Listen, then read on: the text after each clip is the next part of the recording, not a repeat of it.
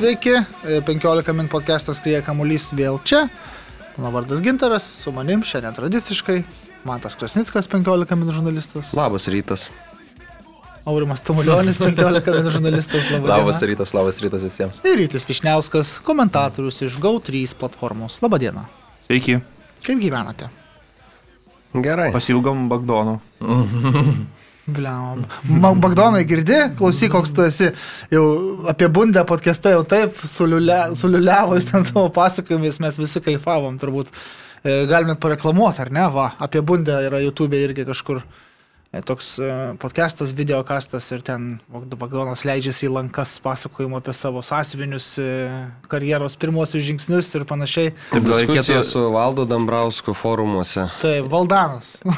ir, ir reikėtų galbūt anonsuojant jau šį Marijos Bagdono podcastą, kuriame dalyvavo, pristatyti, kad tai yra Müncheno Bayerno Lietuvos oficialaus fanų klubo iniciatyva daromas podcastas, kurie stengiasi apšviesti visus Bundeslygos įvykius ir pakalbinti žmonės prijaučiančius tam vokiškam futbolui ir Bayernui konkrečiai. Tai, tai jo, yra jo epizodas ir... Marius.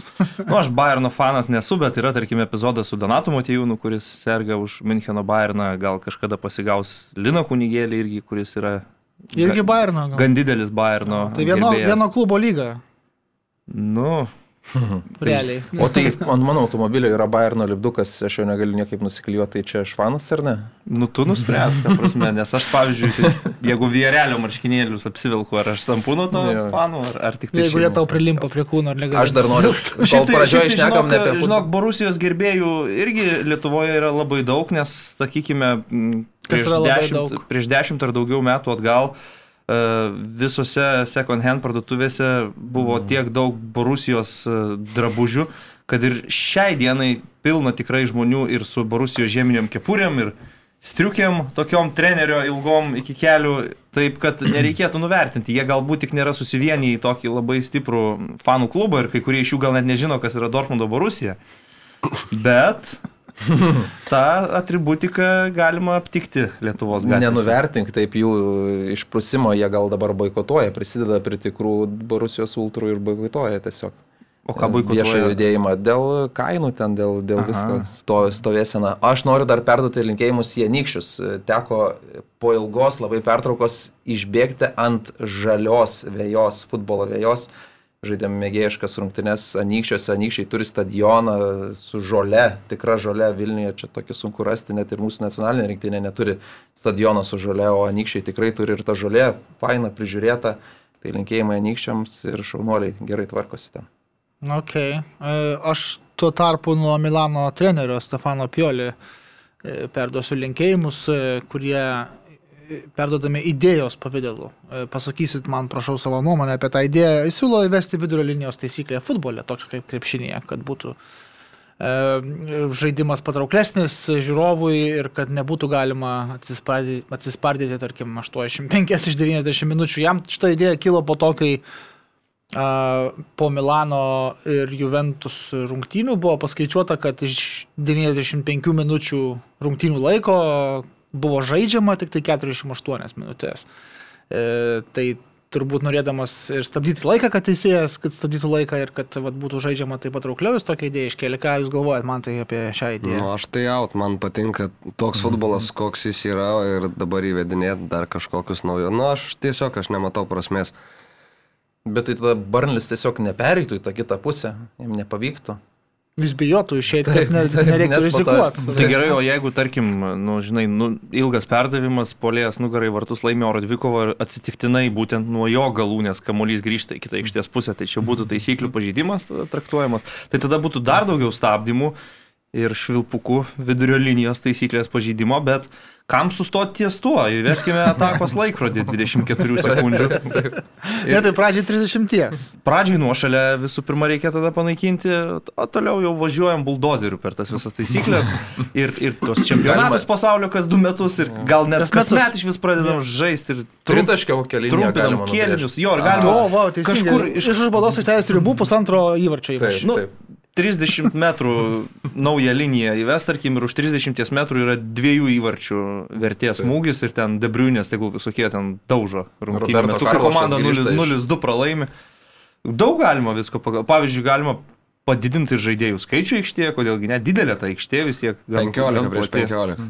Nu, kad ir pabandyti. Mm. Paeksperimentuoti. Baudos ir vartus galų gale. Vienas įvartis be senelės pusėje. Ir galų gale, ar tikrai tie vartai tokie jau patrauklų žiūrovui, kokie dabar yra, jeigu gali tie dideli vartininkai ten juos taip uždengti ir, ir atmušinėti kamuolius. Amerikietiško futbolo vartus siūlau. Įstatyt. O tai gal reikia žaidėjų ūgio ribojimus įvesti geriau? Ne. Vartininkų bent jau. Ne. Tiesiog neatsisakyti vartininko pozicijos, įvesti amerikietiško futbolo vartus. Kas paskutinis tas gali ir rankom liesti. Nu, tai, tai viskas būtų driblingų skaičiuojant taškais, o paskui, kai pasakyti tam tikrą ribą, mušiai tuos va, regbio vartus. Ir pasamdo Madrido Realas vietoj Mbapės Tomo Breidį.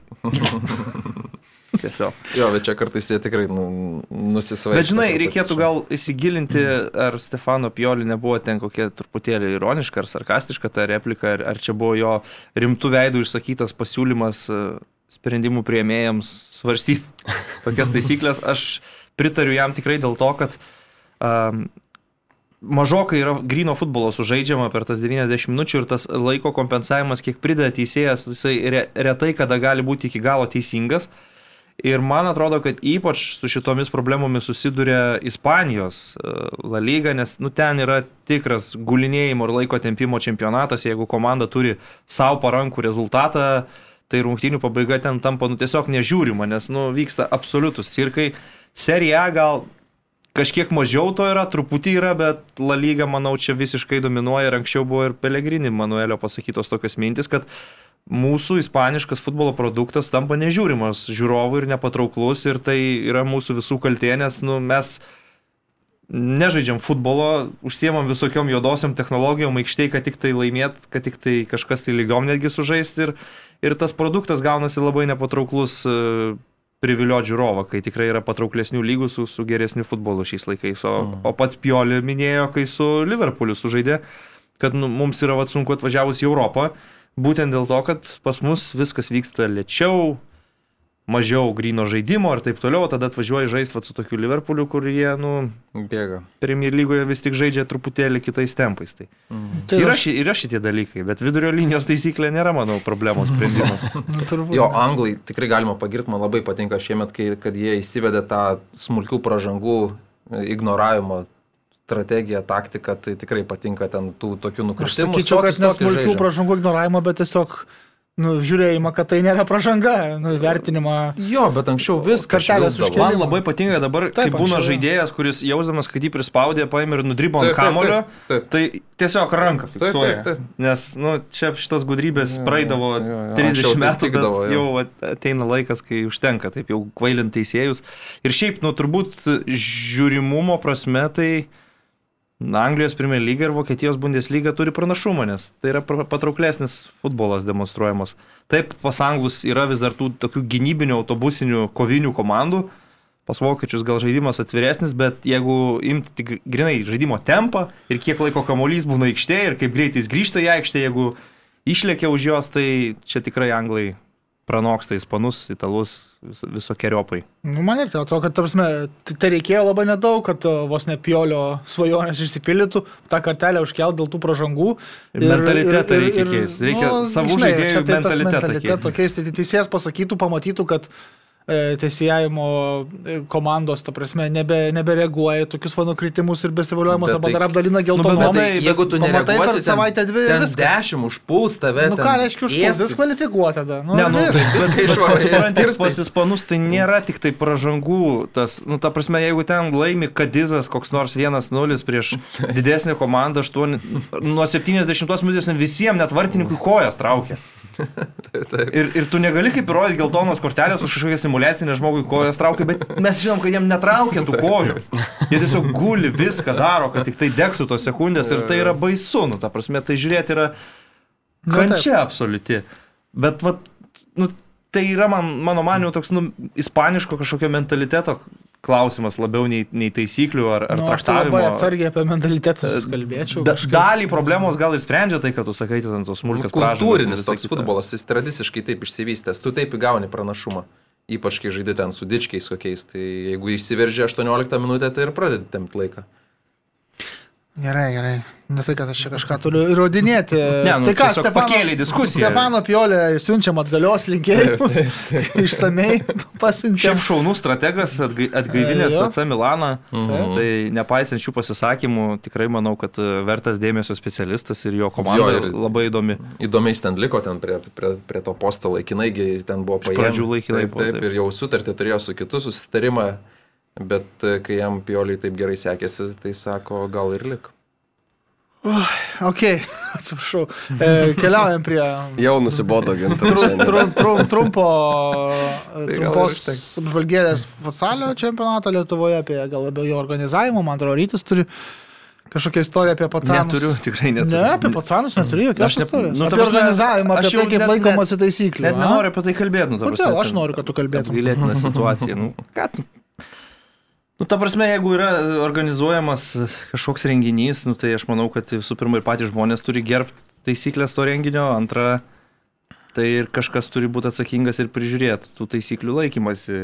Paprasčiausiai Vilniuje, tarkim, dėmesio tam visiškai jokio nėra. Ta prasme, akcentuojama ekranuose ir visur kitur, kad kaukės yra privalomos, niekas jų nenešioja praktiškai. Uh, užkandžius ten po džemperiais ir gėrimus nešasi visi tas tribūnas, valgo, vartoja ir, ir nu, ta prasme, tokioje situacijoje, būdamas sąžiningas prieš patį save renginio organizatorius, tu jauties tiesiog kaip durnius, nes, nu, tu čia vaikštai su ta kaukė visur, sėdi laikais atstumų, nevalgai, kur negalima ir taip toliau, bet niekas to nedaro visiškai ir kas jokingiausia, niekas nesugeba prižiūrėti 800 ar kiek ten žmonių minios, kuri tikrai nėra didelė ir sunkiai kontroliuojama, pakanka pilnai prie kiekvieno sektoriaus tiesiog pastatyti po, po apsauginį, kuris, na, pakontroliuotų, ten pirštų pabadytų, jeigu kažkas, tarkim, be kaukės sėdi.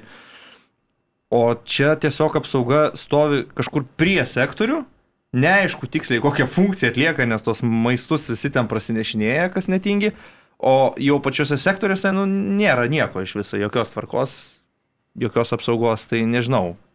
Man atrodo, kad ir, ir patys žmonės, kurie eina į renginį, nu, kažkaip jau turėtų susipažinti ir su viduje galiojančiamis taisyklėmis ir jas gerbti kažkiek, bet, nu, nežinau, kas čia tiksliai atsakingas, bet ir tie organizatoriai visiškai pro pirštus žiūri, aš nežinau, ar FIFA, pavyzdžiui, kuri irgi nuolat akcentuoja ir skelbia, kad čia privalomos kaukės, taip jau yra smagu matyti tuos stambių planų sirgalių kadrus, kur ten Irano sektorius, Uzbekistano sektorius, niekas ten nieko nesisaugo ir niekam tai niekas nerūpi.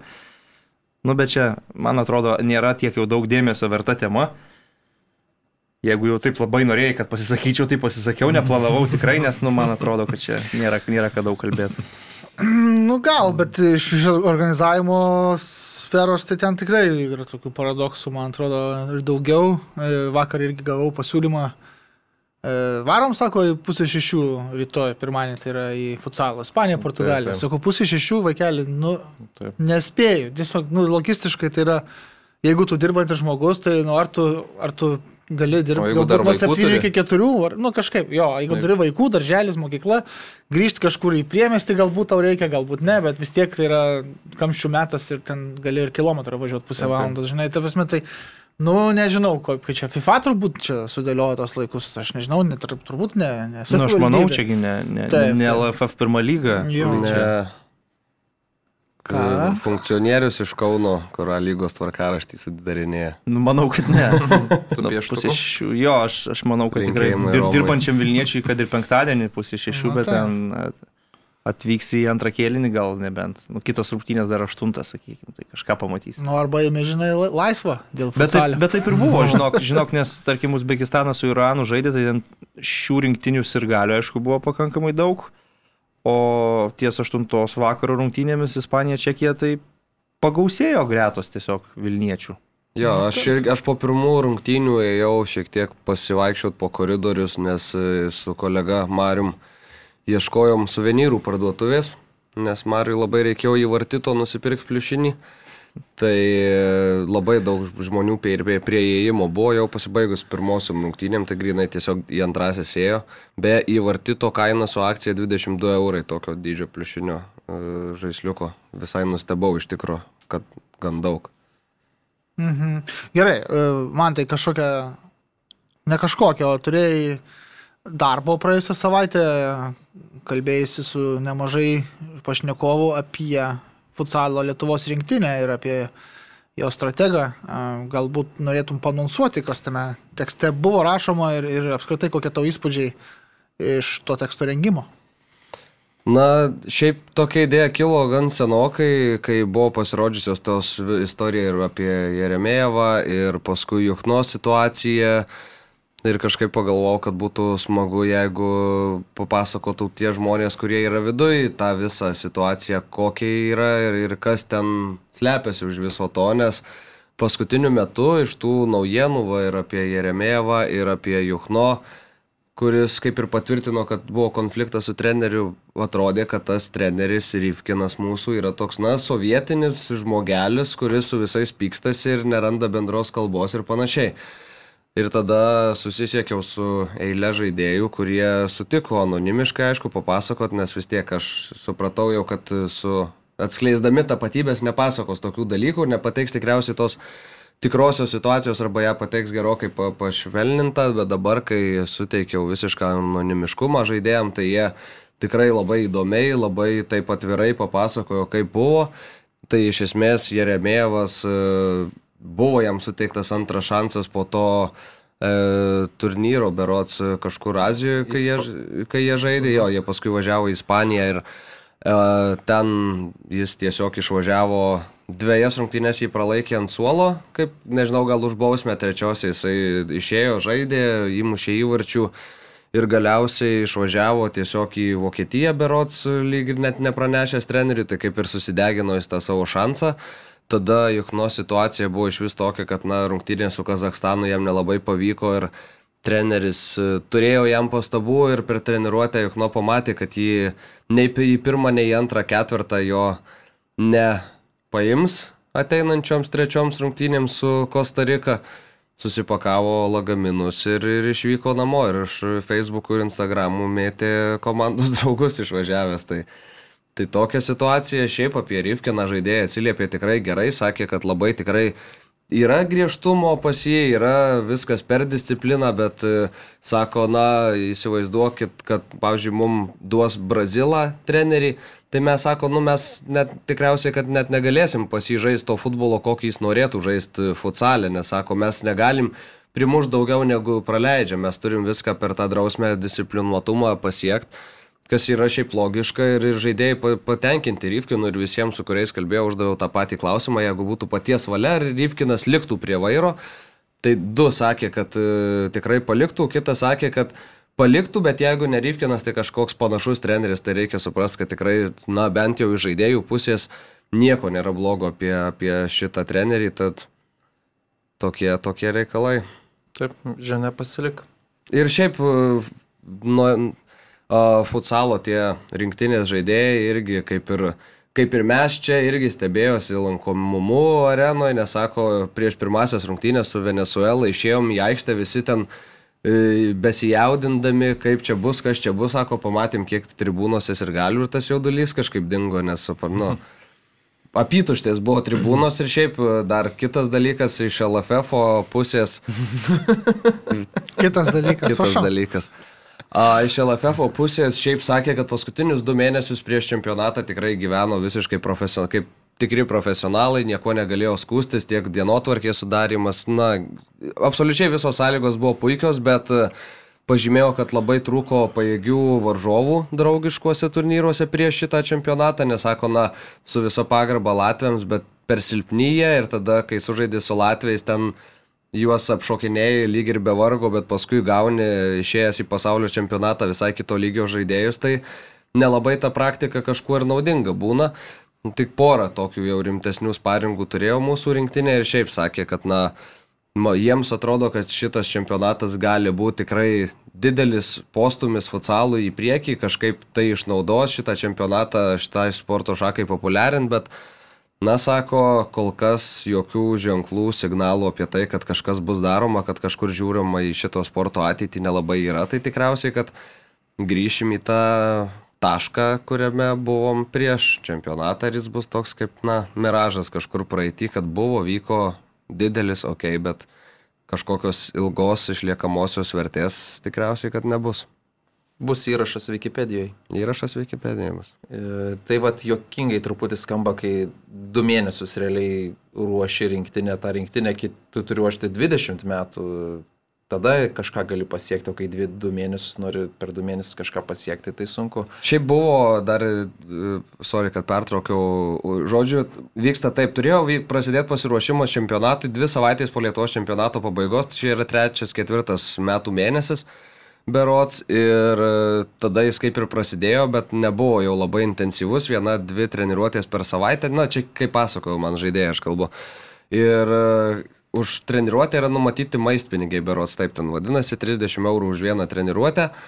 Ir e, tų treniruočių buvo mažai ir visi galvojo, na sako, kad galvojom gal pinigų gaili šiek tiek federacija čia mum ar kažkas tokio ir paskui galiausiai iš viso darė taip, kad išdalino diržus su kuriais tu turi bėgioti ten daryti pratimus, tada jie prisijungia prie sistemos, pažiūri, ar tu atsportavai tai, ką turėjai atsportuoti, bet čia jau nesiskaito kaip ta treniruotė, už kurią reikia pinigus. Na, ta prasme, 30, 30 eurų, eurų taupom ant vieno žaidėjo. Tai ar čia buvo taupimo sumetimais ar kažkokiais kitais, aš nežinau, bet situacija buvo vat, štai tokia. Ok, ačiū labai man tai. Keliavam į lygą. Gal dar apie futsalą trumpai labai. Nu, prašau. Kitas dalykas. Storiai. Mesis žiūri pas mus vykstantį čempionatą, palaiko Argentiną, Neimaras, Brazilus, Ronaldinio, mačiau irgi įsimetė į savo istorius. Tai Tai va tokios žvaigždės įsijungia, pažiūri, kaip atrodo Vilnius Kaunas. Jo, džiugu, jo. Žinomumas kyla, ne? Taip, taip. Labai čia įdomu. Įdomu, ar, įdomu, ar žinojomės, pavyzdžiui, Aš kur, kokio, iš kokio šaly vyksta šis renginys. Tai koks skirtumas? nu, bet komentatorius gal pasakė nors kartą. Nu, Taigi, FIFOS, e, ar būtų stadionas lauko pasaulio čempionato, ar vat, futsalo, nu, pasidžiaugiam kažkuo. Generiškas vaizdas yra salė, kur yra įrengta pagal standartus ja. ir viskas, jam dzina. 95 procentų. Ar, ar, ar Rio de Žaneiras, nesvarbu visiškai. Ir žiūrėk, kitą kitą vasarą mėsį atostogoms pasirenka vietoj savo įprastų ten wow, salų. Kauno Marės. Taip, taip. Su jachta. Ir meškerytė. tai čia gal ignalinai. Labiau. Ateina į vietinę žvejybos sprikminų parduotuvę, dzikūnų nusipirka. Apšalės darbuotojas. Kitą savaitgalį palūšę patraukė, šitą nu, baidarę prasivažiuoja. Jo. Nu. Variant. Žiūrėsim, tai galbūt, galbūt tos vaisius dar rašysim, kitą vasarą pasižiūrėsim. Taip. Jau korona gal bus pasibaigus, nereiks nieko izoliuotis, gal ir. Ir atostogaus kartu Taip. su Argentinos futsalo rinktinės polėjų Boruto. Devintuoju numeriu. Ok, A lyga. E, intriga nyksta, bet ne į tą pusę, kur kažkada svarstėm. E, gali būti, kad netgi Žalgėrio suduvos tarpusavio mažas gali nieko nelabai lemti, jeigu taip toliau, nes e, suduva laimė, Žalgėris ne. Šį kartą Žalgėris su Riteriais vienas vienas sužaidė, kaip jie patys e, pristatė įtemptame derbėje su Riteriais. Man atrodo, toks derbis, kuris neturėtų būti įtemptas, jeigu tu pretenduoji čempionų titulą. O Suduva įveikė bangą 4-0, e, kai sukė Honda, debutavo, įmušė įvartį ir įdeno, taip sakyčiau. Vartininkas ten pasitraukė tiesiog. Labai įdomiai atrodė gynyba. didelė pastatyta jo. Japonijos žvaigždė. Tai, tai, tai turbūt man to paprašysiu galbūt e, turą šitą A lygos apžvelgti ir šiaip situaciją. Suduva turbūt nujautė, kad spurtuos ir vad Keisukė galės čempionų lygoje vasarą pažaisti. Ne? Nežinau, nujautė ar ne, bet e, Keisukė nežais, jaučiu, kad kitais metais čia tikrai po šito sezono važiuos tolyn ieškoti nuotikių. Kažkur, kur dar nėra buvęs, šiaip tos rungtynės Suduvos su Bangana kaip ir viskas, aišku, ten labai kažko kito nebuvo galima tikėtis, gan lengva suduvos pergalė, kai sukės įvartis, beje, šiaip įdomu, mačiau Facebook'e buvo ilgas komentaras vieno iš gerbėjų apie Kisukę Honda, koks geras žaidėjas, kaip gerai prieminėja sprendimus, kaip gerai ten perdavimus atlieka ir žiūriu du haha reakšinai yra ant to komentaro, tai vienas iš jų yra Marijampolės Udovos krašto gynėjo Marko Benetos. tai nelabai supratau, ar jis gal netyčia paspaudė, ar jam iš tikro tas... Širdutę norėjau uždėti. Nepalieka, bet... nepalieka įspūdžio kol kas Japonas, tai šito nežinau, bet... Tai va, tai... tai Čia gal žinai, kaip su broliais bolais buvo prienusi, kad nu, kiti žaidėjai jaučiasi o, kaip į cirką papuolę, nes dabar jau visas dėmesys apie... Gal, apie, apie gal, kažkokius bet tai šiaip, šiaip kiek, kiek tenka girdėti ten ir iš vidaus, tai Nėra Honda visiškai joks ten superstaras, jis daugiau toks yra tylus žmogus, kuris dažnai sėdi rūbinės kampe ir retai iš jo kažką išgirsti, ta prasme toksai ramus japoniškas japonas, aš taip sakyčiau. Ir nežinau, apie šitas rungtynės tikriausiai tiek, čia daugiau nieko tokio highlightinio neįvyko. A, tada Vilniaus Žalgeris su Riteriais, trečios rungtynės iš eilės, kai Vilniaus Žalgeris neiškovoja trijų taškų. Ir čia jau tikrai rimti signalai yra, man atrodo, kad prasideda kažkokios ir sudėties galbūt, komplektacijos problemos vis ryškiau matyti Žalgerio žaidime, nes jau ir per europinius turnyrus kalbėjom, kad trūksta Vilniaus žalgiriui rimto polėjo, kuris galėtų uždarinėti. Trūksta ir aikštės vidury kažko, nežinau. Ta prasme, keistai man žalgeris sėda paskutiniu metu žemyn ir aišku, suduva trina rankom nuo to. Riteriai irgi reikia pažymėti, kad nėra paskutiniu metu jau tokia patrankų mėsa ir e, paskutiniu metu tikrai neblogus rezultatus demonstruoja e, su nauju treneriu. Aš gal dar norėčiau atkreipti dėmesį, kad mes kalbam apie tai, kaip čia sunkiai privilioja žmonės į salės futbolą ir mažas lankomumas. Vilniaus Žalgeris žaidžia atkarpą sezone dėl čempionų titulo. Netoks jau ir blogas tas oras, bet, sakyčiau, šitame ar šiame Vilniaus miesto terpyje, nu, bent jau iš kamerų žiūrint, tai žiūrovų gausa negalima buvo pasigirti. Tai taip, bet e, tas oras nepasakyčiau, kad yra jau labai geras. Nu, Kitas tikrai dalykas, kaip, kaip rugsėjo pabaigai. Kaip rugsėjo pabaigai, tai taip, baisus. Tai aš tada norėčiau nusikelti praeitų metų sezono paskutinėsias rungtynės, kur iš vis sprendėsi titulo klausimas. Jau Suduva, Žalgirė žaidžia Vilniui, ten iš vis praktiškai tų žiūrovų nebuvo. Tai, tai jų negalėjo būti. Nu, tai... Jie prie stadiono buvo. Ai, tiksliai. Ojei, man tai ką tu čia svaigai. Kokie ten galėjo iš tikrųjų būti karantinas? Gerai, buvo. atsiprašau. Prie, prie stadiono buvo. Jo, jo, jo, ai, ai, Marija. Man iškilo tas vaizdinys su šio stadiono tam graju ir gerai, gerai. Nes... Šitą reikia atsiminti. Šitas geras. Ne, ką. Iškirp. Gal dar apie keisukę galiu trupai papasakoti, Gali? nes e, darė e, tokį neįprastą dalyką, daręs kaip vienos savęs spaudos konferenciją Marijampolės suduva. E, bet čia sveikintinas dalykas, jisai pasijungė ten iš savo namų, kuris ten įsikūręs. Šupės vingis. Jo, tai... Viešbutis, kiek žinau. E, man patinka, kad jis pats tiesiai išviesiai išneka, jisai tu nejauti, kad jis bando apgauti, sukčiauti, kad aš esu superstaras, žvaigždė, kaip aš čia gerai žaisiu. Ne, jisai pats sako, paklausė apie tai, kad tu verslininkas, jisai papasakoja, kad ten investavęs į daugiau nei 90 startuolių, ten įmonių, bet kiek jisai taip mato galimybę nežinau, jis sako, kad, nežinau, kad pasaulyje nori, žinot, kaip būna tos mis rinkimai, nori, kad pasaulyje būtų taika, tai jis taip sako, kad nori, kad pasaulyje nebebūtų skurdo ir nori taip pasaulyje padėti savo investavimu ir siūlosi ir Lietuvoje kažkuo padėti, čia klausė apie mūsų švietimo, čia socialinės problemas. Bet Marija jau yra McDonald's, ten jau viskas. E, čia... Bet jis ieško suši restorano, sakė, jeigu, jeigu žinot kokį gerą, patarkit. Ne, man tas sakė, yra ten variantų. Kai tu lietuviškų sušių su majonezu paragausi, man atrodo. jo, jo, ungurio, ungurio odelės biški. tai va, bet man patinka, kad jis Jis tiesiai šviesiai sako, sako, aš tą verslo, kaip verslininko gislelę, nežinau, atradau seniai ir man sakydavo, kad aš esu crazy, keistuolis, nežinau, beprotis, bet aš toks esu ir taip darau. Ir, ir jisai nemeluoja, nemeluoja, kodėl čia yra Lietuvoje, dėl to, kad jisai keliauja, neliko kitose šalyse, nes jam siūlė pratesti kontraktą, jis taip plečia geografiją, renka sėkėjus ir tiesiai šviesiai išneka, tai tik tais respektas dėl to. E, Facebook'o paskyra pavadinimu Susirūpinęs pilietis klausė, tiksliau pastebi, kad Keisukė Honda ko gero yra garsiausias futbolininkas, kad nors užklydęs į ją lygą. Klausė jis, kokius panašaus kalibro žaidėjus sukritus palankioms aplinkybėms būtų galima tikėtis pamatyti irgi lygoje. Kaip galvojate, aš turiu variantą Metas Doherty, manau, visai. bet žinok, Metas Doherty, sorry. Jau gana greitai gali sukristi tos aplinkybės. Bet pagal savo profilį, tai jis, nu, neprilyksta tikrai Keisukiai Hondai. Kaip... Net aišku, aš juokauju, nu, bet... matai, čia tokius nu, ryšiai su to, tai mane sieja. Nu, tai žinai, galbūt galima tarp, tarp jau kokių nurašytų visiškai brazilų rasti, ten tokių irgi keliautojų. Robinio. Nu, Robinio gal sunkiau būtų su teisės sauga. ne, jeigu klubą pavadintum uh, Trakų Manchester United, tai jis atvyktų.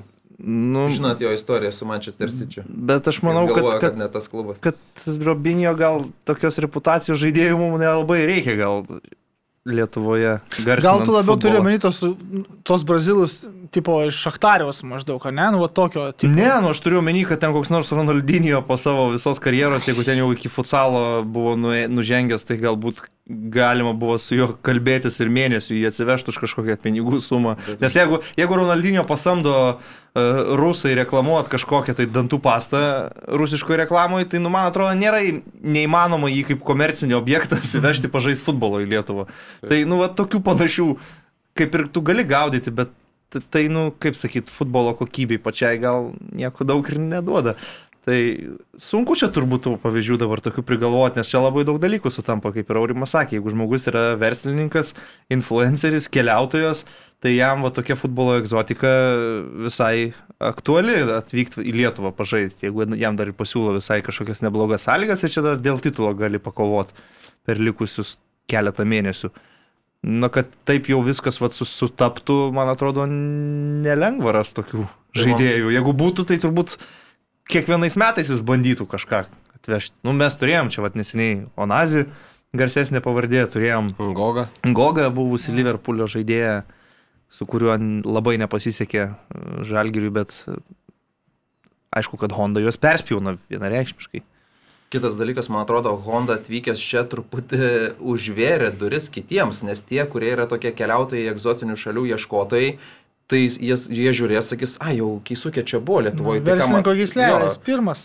Aš varysiu tada, jau įsmėgiu. Jo, varysiu į Estiją ar dar kažkur kitur varysiu. Tikrai, jie jau tie ieškotojai jau nebevažiuoja. Bet šiaip dar reikėtų nepamiršti ir to, kad, na, nėra čia toks jau pigus malonumas atsivesti tokį žaidėją, tarkim, sūduvai pilnam sezonui pasirašyti Honda, aš manau, finansiškai būtų neįmanoma. Čia tik tai labai trumpam tu jį dabar gali pas, pasičiupinėti ir tai aš manau, kad ten labai daug sąlygų jo asmeninių reikėjo įgyveninti, kad tai būtų įmanoma ir labai daug pastangų reikėjo įdėti pačiam klubui. Tai, na, pavardė vis tiek turi savo kainą, kad ir kokiame lygyje jis bežaistų, kad ir kiek jisai dar būtų pajėgus aikštėje. Tai čia galų gale nu, nėra taip jau finansiškai paprastai gyvendinti ir kitas dalykas, tai tame nėra atsiperkamumo, kai mes ten kalbam apie kažkokius didelius transferus aukščiausiame lygyje ir kalbam apie jų komercinę naudą ir atsiperkamumą per, per ten pardavimus ir reklamas ir visą kitą, tai nu, lietuviško futbolo rinkoje aš abejoju, ar tu gali atmušinėti žaidėjo atlyginimą per, per, per kažką. Nu, bet tai, suduvo marškinėlius, tai reklamuoja su labai reikia Worldwide Delivery. Ne, nu tai reklamuoja, bet tu pats pagalvo, kiek jie uždirba nuo parduotų vienų, vienų tai, marškinėlių tai ir, ir kiek galiausiai ten pinigų gali būti. Žinai, pats principas čia suduvo ir labai reikia pagirti, nes Lietuvoje, žinot, kai žiema ateina pas mus netikėtai, čia ir tokie žvaigždės ateina netikėtai ir atsimenu, su bolais, marškinėlių ten negalėjai nusipirkti, nes tai vėlavo, strigo, ten gamyba, dar kažkas, o suduva pasiruošė gražiai infografikai, pasaulis siunčia, kur nori, užsakai, pirmos rungtynės, žiūrėkit čia, visk, viskas paruošta, gražiai, tvarkingai. Ne, tai iš suduvai tik komplimentus taip, taip. ir sakau dėl šito čia vienareikšmiškai, plus aš nenuvertinčiau, kad Honda dar uh, turi ką pasiūlyti ir gali labai padėti komandai link to titulo. Aišku, kol kas Žalgiris labiausiai padeda, bet gal Honda pagelbės mhm. ties tuo. Šiaip gal reikėtų dar pažymėti, kad ne tik lyga buvo ir LFF taurės ketvirtfinaliai ir e, ta pati Suduva su Žalgiriu žaidė labai klampų futbolą 120 minučių ir galiausiai per baudinius įsiaiškino ir nutiko Semirui Kerlai vadinamoji Džono Terio situacija. Mhm ir Žalgiris iškopė į kitą etapą, tai dabar lieka keturios komandos, Žalgiris žais su Hegelmanu pusfinalyje, panevežys su išsišokeliais Babrungu. Mhm. Ten Šiaip, dėl tos kerlos situacijos ja, įdomiausia, kad e, tą duobę iškasė suduvos vartininkas graikas. Taip. ir, bet e, kiek čia, 12, gal 13 žaidėjų ne, nepaslydo, bet paskui. Nu, bet visi, visi labai taip gal... strategiškai vengia tai, smūgiuoti. Ir plius jisai kai kasė ta, tas duobės, tai ėjo muš, pavyzdžiui, buvo piesu, kuris yra kairė kojas, tai jam ne, ne į tą ne, pusę reikėjo duobę kasę. Seržas Niuadzy kairė kojas smūgiavo, ar ne? Kuris Gal, yra dešinėkojas. Gali būti. Gali tai būti. Neatsimenu dabar. Iki kiek jau, ta prasme, teko adaptuotis, kad dešinėkojas ėjo ir smūgiavo kairę. Iki kelių iškasė. Tada atėjo Semiras ir Bats ant užpakalio sėdi. Nu. Nors rungtynėse tai Suduva daugiau progų sukūrė ir šiaip, manau, Suduva labiau nusipelnė laimėti, tik tais tiek, kad... Nu... Bet iš kitos pusės, dabar taip žiūrint vėl, e, Suduvai net, man atrodo, yra geriau pralaimėti šitą ketvirtfinalį žvelgiant į lygos sezoną. Tau taurės laimėjimas, LFF taurės laimėjimas duoda įrašą Wikipedijoje ir vieną šventimo dieną iš esmės. Kažkokį čekį ten. Nu, čekį va gausi, bet tai tam tas, vakarui praleisti. Tu laimėjęs A lygą, gauni čekį ne, tai daug didesnį faktas, ir jau. dabar Žalgiris turi ir taip dviejom rungtynėm daugiau A lygoj. Dabar dar plus vienerios yra bent jau LFF tauriai ir Hegelmaną tikrai gali įveikti Žalgirį, žengti į finalą, tai dar plus dviejos, kurios, na, toks jau labiau dabar žiūrint į lygos e, lentelę, labiau inkaras nei, nei pliusas būtų ta LFF taurė Vilniaus Žalgiriui. Tai iš šitos pusės žiūrint, galima sakyti, kad Sūduvai dienos pabaigoje gal net bus geriau šitas. Čia tu pakalbėjai kaip, kaip e, Anglijos klubo, kuris ką tik iškrito iš Karabao taurės gerbėjas. visiškai tokie patys būna. Spars gerbėjas. Kai... Pasisakymai. Nu, Manchester United iškrito ten iš Karabao, kurie labai jo, gerai atsilaisvino kalendorius. galima bus žaisti. Tai neaišku, kada po svarbesniuose turnyruose Marselius leisti ir kada duoti jam žaidimo laiko. Tai teisingai sakai, aš, aš irgi panašiai galvoju, kad ta taurė yra labiau principo reikalas, o lyga yra tas jau na, ir, ir ekonominis, ir visai kitaip prioritetas bet kuriam klubui. Ir suduvos pozicijos dabar jau geresnės. O dėl, dėl taurės tai aš dar negarantuočiau, kad Žalgiris su savo forma ir tą Hegelmaną nukirs pusfinalį. Tai ir, dar, visiškai. ir dar jeigu ir finale su Panevežiu to pačiu, kur pavojingas varžovas. Tai... tai ir dabar čia Burinas skundėsi, sorry, kad nutraukiau po rungtynių su, su riteriais, kad e, išsikvėpiam tiesiog jėgų neturėjom po rungtynių, tai dar dviejos, dar rungtynės prisideda. Tai. Uh mhm. -huh. Ir uždarinėjom Lietuvą, ar ne panašu? Uždarinėjom, aš... jau Šimonytė sakė, kad jau viskas jau. taip, taip. Tai reiks, reiks užsidarinėti. Tai pabaigai dabar bus saus šitą spalio pradžioj rinktinių langas ir toks aklas duris, kad bent penkių svarbių Lietuvos rinktinės žaidėjų šitam langė nepamatysim su nacionalinės komandos apranga nes, e, kaip ir minėjau kažkada, kad tenka girdėti labai prastus atsiliepimus apie tai, kas vyko rinktiniai, kai pirmą kartą prie jos vairo stojo Valdas Ivanauskas. Tai tie, tos istorijos e, tikrai skamba neskaniai kažkiek. Ir žaidėjai nėra patenkinti bent jau tuo, kas vyko pirmajam langė, tai nenustepčiau, jeigu dalis jų dėl asmeninių pražang, problemų ar Pražangos, pražangų limito. Ar traumų e, šį langą net važiuos, tai aš tokį vataklą dūrį. Nu, nežinau, Rimas Kurtinaitis tai sakė, kad labai geras treneris, tai Ivanauskas ir pratęs kontraktą. Tai, ir... tai matyt, kartu basom vaikščiojo vieną naktį kurią nors. Gal dar tebe vaikšto iki šiol tai. Galbūt. E, gerai, jo, uždarėm, sakykime taip, Lietuvą, keliaujam į uh, už sienos, kaip sakoma, pirmiausia, net ir už Lamanšo sąsirio į Angliją keliaujam. Taip. Mano rubrika. Taip, pirmiausia, keliaujame į mišką. Taip, mm. prašau. Vis pamiršti kažkaip. Nu, pamiršti. Antrą savaitę, tai kai nelinksma, tai ir pamiršti. Nu, prašau. Nu, taip, nėra. Gal Honda kokį? Jo, aš tie žiauriai geri, bet turiu pagirti visus, visus absoliučiai, kurie Facebook'e bent po vieną parašė bairį apie Honda mašiną, ten kaip užsiveda, benziną, dar kažką. Fantastika, ta prasme, tai yra nu, au, aukščiausios prabos vadinamasis humoras. Faktiškai ir, galima pretenduoti į humoro klubą. Ir, ir, ir nu, tikrai čia kaip iš berankio, pavyzdžiui, papokštaut, kad berankų tenisą žaidžia, nu irgi, tikrai, wow. e, tai va, ta, ta pačia gaida. Ta, nu. ta nata įžengiant į mano rubriką, šiai dienai vieną, tokį trumpą paruošęs, tik tai uh, Leeds United ekipa, visi ją žinom, sekam, domimės, pakankamai įdomi komanda, sunkiai kol kas klostosi sezonas, bet tikrai nesunkiai klostosi gyvenimas vienam iš šios ekipos žaidėjų kuris, na, yra viduramžių, sakyčiau, aukštuomenės luomo atstovas, dvarininkas, turi dvarą, tai yra Stuartas Feodalasas. Tai dar uždėjai dar rusišką tokį Radauskasas, kur būtų Višniauskas Feodalasas. Arba Stuartas. Dar biškiai kaip žirgas skamba. Arba Stuartas Feodalas tiesiog. Aišku, galima ir taip. Bet... Nu, turbūt. Jau. Bet šiaip ryte aš tau žinok pasakysiu, kad praeitos savaitės tavo to, aš nežinau, ar tu pats perspjausi, kad... Palauk, sezonas ilgas, žaidėjų, trenerių, klubų daug užgimsta šitie, šitie bairiai labai spontaniškai, žiūrint kokias rungtynės, tai... Nu gerai, dar duok, duok man šansą. gerai, jo, keliaujame. Kaip į... Jeremėvas pasakė, Ryvkinui. Uh -huh. Kitas dalykas. Gerai, keliaujame į Angliją, ten Premier lygoje buvo visai įdomių rungtynių. E, Pradėti norėčiau vis tiek nuo Manchester City kelionės į Londoną ir ten uždominuoto Chelsea klubo, nes tiesą sakant, nu, iškart galim pasakyti, kad laimėjo Man City 1-0, turbūt turėjo laimėti daugiau, nes žaidė tikrai ger, gerokai geriau negu šeimininkai. Tiesą sakant, ryte nežinau, sutiksi, bet aš Londono ekipą tokią blankoką iš tikrųjų mačiau gal pastarąjį kartą prie Lampardo. Nežinau, prieš tą patį man sit. Nu, galbūt. Turbūt, kai irgi Stanford Bridge buvo atvažiavę. Jo, bet, nu, tikrai senokai. Mačiau. Čia, aišku, galima turbūt sakyti, kad man citis privertė Chelsea taip atrodyti blankiai, bet manau, kad iš abiejų pusių susidėjo faktoriai. Nu, turbūt. Tikrai vienas prašiausių, gal ir prašiausios tų kelių į rungtynės kol kas prie Chelsea komandos vairo.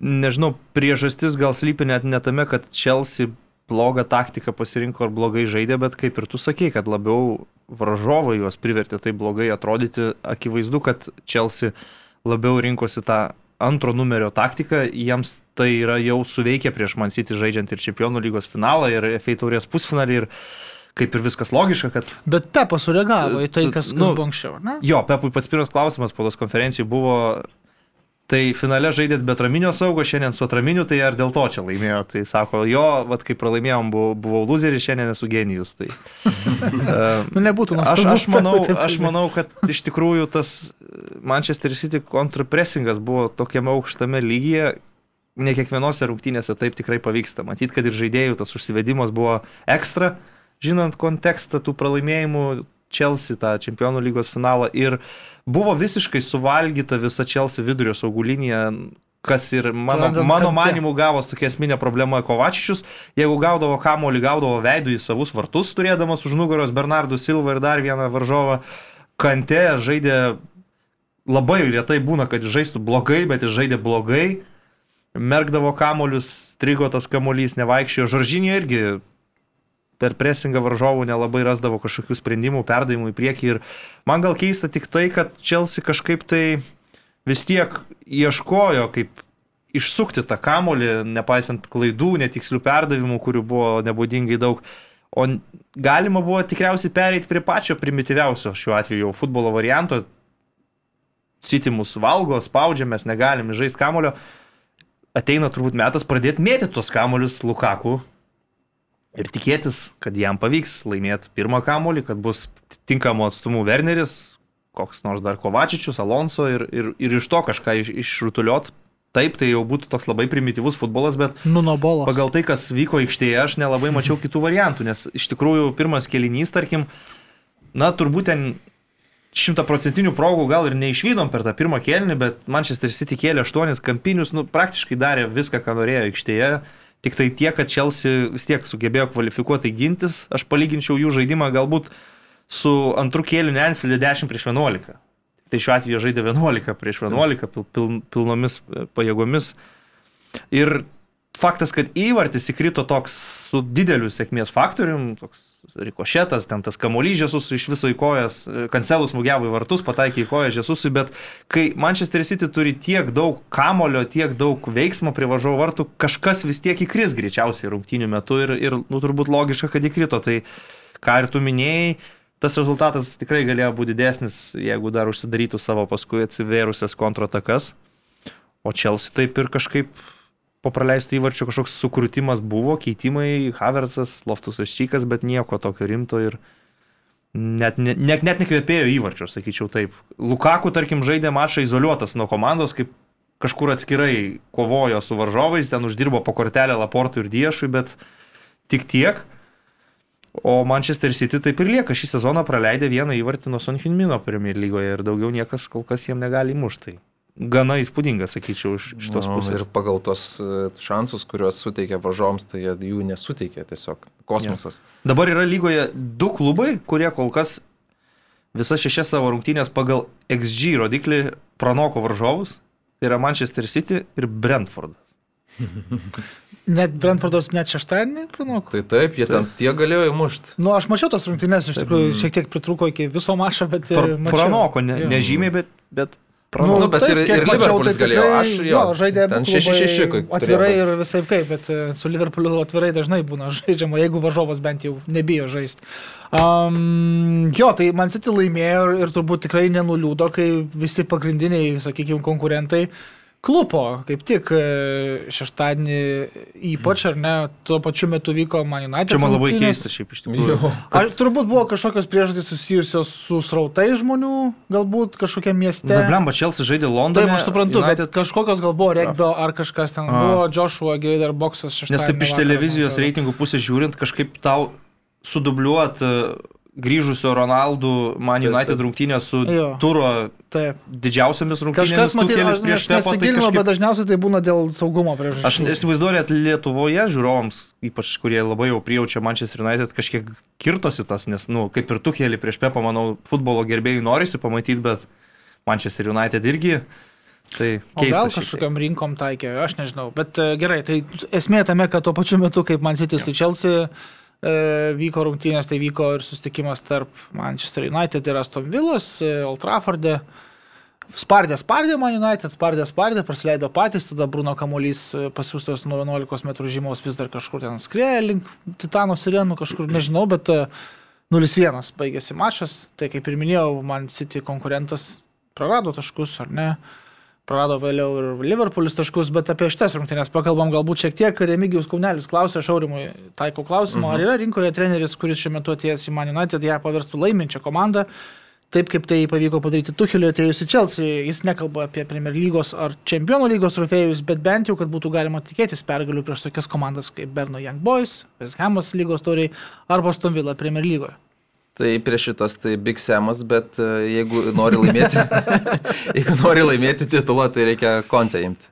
Ir atraminį tai saugą. jau laukia, kiek suprantu, jūs. Tai aš atraminį saugą jam reiktų paimti. Nemanai? A, Maktominė jis galėtų žaisti, jeigu ten viską sustrateguotum, e, viskas būtų dar... dar... Jauno matyčiaus jiems reikia, man atrodo, labiausiai. Nežinau, apie tas rungtynės kalbant, e, gal uh, iš pradžių jau buvo įdomu pirmas epizodas, kai baudos smūgis, ar ne? Kas mušta baudos smūgį? Tai Bruno pasėmė baudos smūgį. Tada atrodė, kad jau jie tai buvo susitarę, kad baudos smūgiai mano, baudiniai Ronaldo. Bet uh, galiausiai paaiškėjo, kad uh, Sulšero čia buvo sprendimas dar prieš mačą priimtas, kad uh, baudinį muš uh, Bruno Fernandešas ir čia paskutinį kartą gyvenime matėm, kaip liūdėjo, kaip uh, kaip verkė nei Portugalijos rinktinėje, nei Manchester United klube, kol Ronaldo bus daugiau, jis baudinių nemuš. Manau. Bet tai kaip išsisprendė ir lengvai klausimas dabar visiems. Nu, ta prasme, reikėjo vieno, jo, vieno jo. smūgio netikslaus iš Fernandešo, kad išsispręstų. Bet ten toje situacijoje reikia e, šitą Emiliano Martinėsą pažymėti, kokį jis cirką surengė prieš tą baudinę. Jis priejo prie kamulio, pirštų rodė, Ronaldo, Ronaldo turi mušti tą baudinę, Ronaldo turi mušti. Ir tai įlindo į galvą, įlindo Bruno, žinom, kaip jis muša, jis į, į, bėga lietai, palaukia, mato, kur vartininkas krenta, pakeičia kojos kryptį paskutinę akimirką ir paridena į tą pusę į priešą. Tai tokio žvaržinio pristatoma. Nu, tai, bet ir jis nebuvo to nebuvo. Taip, taip, ir įlindo tiesiog žmogui į galvą ir jisai norėjo jam parodyti, kad šiek kietas tau į devinkę dabar pasiūsiu ar ten kažkur po štangą. Net, net į devinkę siuntė, siuntė virš po, po skersinių norėjo. Jo, virš rankos, nes Martinas. O tu matai Martinės tą trumpą šokį šokį po... Trafford sukės dar.